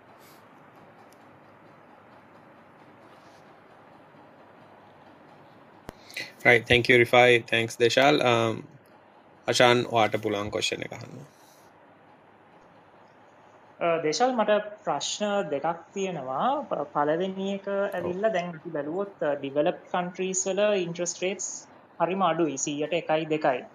නමුත් ඩිවලපින් කන්ට්‍රීස් අපි ලංකාවේ වගේ ගත්තොත් හැමවෙලේ හිස්ටොරිකලි බැලුවත් ගොඩක් උඩින් තියෙන්නේ. පහ සියට පහක් හරිට වැඩියෙන් දහය ඒ වගේ ලෙවල්ස් ඒකට හේතුව මොකද? කියන්නේ ෆොරින් අර කැපිටල් ට්‍රැක් කරගන්න ඒ කන්ට්‍රීස් uh, ඒ රේට් උඩින් තියන් ඉන්නවද? නැත්නම් වෙන හේතුවක් තියනවද? ඒ පළවෙනි ප්‍රශ්නේ දෙවැනි ප්‍රශ්නේ මේ මම හිතන්නේ ඉකොනොමි නෙක්ස්ට් එකෙත් මේ ආටිකල් එක ගියා. දැන් uh, කලින් uh, ගවර්න්මන්ට් ගවර්න්මන්ට් එක තියෙද්දි ඩොක්ටර් කුමාරස්වාමී ඉන්නකොට එයා මොකක් හරි ලොකු සෙන්ට්‍රල් බැංක් එක පැත්තෙන් ෆන්ඩමෙන්ටලි පොඩි එර එකක් වගේ වුණා කියලා. ඒ කියන්නේ කෝල් මනි රේට් එක ටාගට් කරලා හරි ඒගොල්ලන්ගේ පොලිසි එක ඒගොල්ලෝ මේ ගෙනිච්ච කියලා. ඒක ගැන පොඩ්ඩක් පැහැදිලි කරලා දෙන්න පුළුවන්ද? තැංක ඔව් අනිවාර්යෙන්. හොඳ ප්‍රශ්න දෙකක්. මං ඉස්සල ඉස්සල කිව්වාගේ දැන් ගොඩක් දුරට ඉන්ට්‍රස්ට්‍රේට් එක බලන්න තියෙන්නේ අර ඉන්ෆලේෂන් එක ඉන්ට්‍රස්ට්‍රේට් එකයි අතර තියෙන පරතරය. දැන් ඩිවලප් කන්ට්‍රීස් වල ගොඩක් දුරට ඉන්ෆලේෂන් එකත් අඩුවෙන් තියෙන්නේ. 2.2යි බිඳුවයි අතර වගේ ගොඩක් දුරට ඉන්ෆලේෂන් තියෙන්නේ ජපානයේ, යුරෝපයේ, ඇමරිකාවේ, එංගලන්තයේ වගේ රටවල් වල. එතකොට ඒකත් එක්කම ඒගොල්ලන්ගේ ඉන්ට්‍රස්ට් රේට් එකත් මේ ඒ වගේ ගානකට තමයි සාමාන්‍යයෙන් තියෙන්නේ. එතකොට රියල් ඉන්ටස්රේට් එකයි නොමිනල් ඉන්ටස්රේට් එකයි ඉන්ෆලේෂන් එකත් එක් පරතරය ගොඩක් දුරට එක්කෝ 1% නැත්තන් 0.5% වගේ සාමාන්‍යෙන් තියෙන්නේ. අනිත්තක දැන් තීරටිකලි ගත්තොත් සාමාන්‍යයෙන් ඉන්ට්‍රස්ට්‍රේට් එක රියල් ඉන්ටස්ට්‍රේට් එක එන්න තියෙන්නේ මේ රියල් GDP ග්‍රෝත් එකේ ඒ වගේ ගානකට තමයි. Um, ඒක ඇත තීරටිකල එක ප්‍රක්ටිකල් හැම්වෙලෙම එම වෙන්න නෑ ඉතින් ගොඩක් දුරට අර ඩ්වාන්ස් ඉකොනමීස් වල uh, දැන් ගොඩතුරට රියල් ජිටි ග්‍රෝත එකත් අඩුයි. සාමාන්‍යයෙන් සියට දෙකයි සිර තුනයි වගේ ගානක තමයි එකගලන්ගෙත් ග්‍රෝ වෙන්නේ. ඒත් එක්කම එකගලන්ගේ ඉන්ට්‍රස්ට්‍රේට් එකත් uh, ඒ වගේ ප්‍රමාණයට වගේ තියෙන්නේ. ඩිවලපින් කන්ට්‍රී අර තම කැචප් ස්ටේජ් එකේ හින්දා ඒගලන්ගේ ග්‍රෝත් එකත් වැඩි. ඒකත් එක්කම අර ඉන්ට්‍රස්ට්‍රේට් එකත් වැඩි. ඒ හේතු දෙක නිසා තමයි ගොඩක් දැන් සරලව කිව්වොත් ඒ හේතු දෙක නිසා තමයි අර ඩිවලප් කන්ට්‍රීස් වල ඉන්ට්‍රස්ට් රේට් අඩු වෙලා තියෙන්නේ. ඩිවලපින් කන්ට්‍රීස් වල ඉන්ට්‍රස්ට් රේට් ගොඩක් වැඩි වෙලා තියෙන්නේ. අර ඉකොනොමිනිස්ට් එක අර නිතරම මේ කියන්නේ මේ මම හිතන්නේ 2018 මේ මොන්ට්‍රි පොලිසිය ගැන. ඒක ඇත්තටම හරිම ඉන්ට්‍රස්ටිං ඉන්ට්‍රස්ටිං එක්සාම්පල් එකක්. Thank you. ඒක මේ ඒක ගැන කතා කරාට. ඒ කාලේ මේ ඒ කාලේ වුණේ දැන් මොකද ඇමරිකාවේ මහ බැංකුවෙන් පටන් ගත්තා ඒගොල්ලන්ගේ ඉන්ට්‍රෙස්ට් රේට් එක වැඩි කරන්න. හරි දැන් අර මම කියපු විදිහට 2009 ඒගොල්ලන් ඉන්ට්‍රෙස්ට් රේට් අඩු කරලා ඒක ආයෙත් වැඩි කරන්න පටන් ගත්තේ සිග්නල් එක දුන්නේ 2017 2018 යම් කිසි විදිහකින් වැඩි කරන්න පටන් ගත්තා. එතකොට වුණේ දැන් ගොඩක් අර මේ වෙස්ටර්න් äh, මේ බැංක්ස් එහෙම ලංකාව වගේ ඉමර්ජින් රටවල් මාකට් වල äh, ආයෝජන කරලා තිබ්බ මේ ඉන්වස්මන්ට් ටික ඇමරිකාවේ රේට් එක වැඩි වෙනකොට ඒ ටික ආයෙත් වෙස්ටර්න් äh, රටවල් වලට ගෙනියන්න පටන් ගත්තා. ඒ කියන්නේ උදාහරණයක් වශයෙන් වශයෙන් ගත්තොත් දැන් පිටරට බැංකුවක් ලංකාවේ ට්‍රෙෂරි බිල්ස් රුපියල් වලින් අරගෙන තිබ්බනම් ඒගොල්ලන් ඒ ට්‍රෙෂරි බිල් විකුණලා මේගොල්ලන් මේ ආයිත් සල්ලි ගෙනිච්චා. මේ ඇමරිකාවේ නැත්තම් එංගලන්තේ නැත්තම් වෙස්ටර්න් රටවල් වලට. නැවතත් එතනින් ආයෝජන ආයෝජන කරන්න. මොකද මේ පැත්තේ ඉන්ට්‍රස්ට් රේට් වැඩි වෙන්න පටන් ගන්න මේ අයිඩියා එකක් තිබ්බ නිසා. එතකොට වෙන්නේ ඒගොල්ලන් එතකොට වෙන්නේ දැන් ලංකාවේ ලංකාවේ වගේ රටවල් වල කරන්සි එක ඒගොල්ලන් මේ රුපියල් සෙල් කරලා ඩොලර් බයි කරලා මේ ඉන්වෙස්ට්මන්ට් එක මේ විඩ්‍රෝ කරන්නේ. එතකොට වෙන්නේ කරන්සි ලංකාවෙන් අනිවාර්යෙන් කරන්සි එකේ ප්‍රෙෂර් එකක් තියෙනවා. ඉතින් ඒක අපි දැක්ක ලංකාවේ තිබ්බා ගොඩක් ඉමර්ජින් ඉකොනොමිස් වල 2018 මුළු භාගයේ මේ ප්‍රෙෂර් එක තිබ්බා මේ කරන්සි වලට. ඒත් ඉකොනොමිනෙක්ස් එක කියන්නේ ඒක වෙනකොට ලංකාවේ කරන්න තිබ්බේ ඉන්ට්‍රස්ට් රේට් එක වැඩි කරන්න. එතකොට ඒක ඉන්ට්‍රස්ට් රේට් එක වැඩි කරනකොට ඒගොල්ලන්ට අර මේ ඉන්වෙස්ට්මන්ට් විත්ඩ්‍රෝ කරන්න ඉන්සෙන්ටිව් එක අඩු වෙනවා. මොකද ඉන්ට්‍රස්ට් රේට් එක වැඩි කරන්න ඒගොල්ලන්ගේ රිටර්න් එකත් වැඩි වෙනවා. දැන් ඒ කාලේ මහ බැංකුවේ අදහස තිබ්බේ දැන් අපි ඉන්ට්‍රස්ට් රේට් එකත් ගොඩක් දුරට ඊට ඊටත් වැඩිය වැඩි කරොත් එතනින් වෙන්නේ මේ ආයෙත් growth එකට ප්‍රශ්නයක් වෙනවා. හරි මොකෝ ඉන්ට්‍රස්ට් රේට් එක වැඩි කරනවා අනිවාර්යෙන් මේ ඉන්වෙස්ට්මන්ට් කොස්ට් එක වැඩි වෙනවා. කන්සම්ෂන් කොස්ට් ඔප්චුනිටි කොස්ට් එක වැඩි වෙනවා. ඉතින් ඒක ඉකොනොමි එක අනිවාර්යෙන් ස්ලෝ වෙනවා. ඉතින් ඒක ඒක අඩු ඒ ඉන්ට්‍රස්ට් රේට් එක ඒ ප්‍රමාණයට වැඩි වෙන්නේ නැති වෙන්න තමයි ඒගොල්ලන් ඒ කාලේ ලික්විඩිටි එක දීලා කෝල් මනි රේට් එක ටාගට් කරලා ඒක කරේ. ඉතින් ඒක අර මං කියපු විදිහට අර බැලන්සිං ඇක්ට් එකක්. එතකොට ඒ කාලේ වුණේ ඒ කරන්සි එක ඩිප්‍රීෂিয়েට් වෙන්න වැඩිපුර දුන්නා. ඉන්ට්‍රස්ට් රේට් එක වැඩියෙන් එතකොට යම් කිසි විදිහකින් පාලනය කරන්න ඒක තමයි ට්‍රේඩ් ඔෆ් එක. ඉතින් ඒ බැලන්ස් එක තමයි ඒගොල්ලන් කරන්න හැදුවේ. ග්‍රෝත් එකට වැඩිය මේ හාම් වෙන්නේ නැති වෙන්න ඉන්ට්‍රස්ට් රේට් එක 100ට ඒ කාලේ මම හිතන්නේ 100ට 1 year treasury bill එක 109ක් විතර ඇති. ඒක මේ ඉකොනොමිස්ට් එක කියනවා කියනව තරමට ඒක පාලනය කරන්න ගියා නම් ඉන්ට්‍රස්ට් රේට් එක යන්න ඕනේ 114ක් විතර. ඒකත් කරන්න බෑනේ මොකද ඒතර අනිවාර්යෙන් ග්‍රෝත් ග්‍රෝත් එකට මේ ගොඩක්ම නෙගටිව්ලි ඒක බලපානවා. ඉතින් ඒක කන්ට්‍රෝල් එක කන්ට්‍රෝල් කරන්න තමයි ඉන්ට්‍රස්ට් රේට් එක 1% 2% වගේ ඉන්ක්‍රීස් කරලා කරන්සි එකෙන් තා පොඩ්ඩක් යන්න දීලා එතකොට මේ දෙපැත්ත බැලන්ස් කරලා තමයි ඒගොල්ලන් මේ කරන්න හැදුවේ. මම හිතන්නේ ඒක තමයි මේ ආපු ප්‍රශ්නේ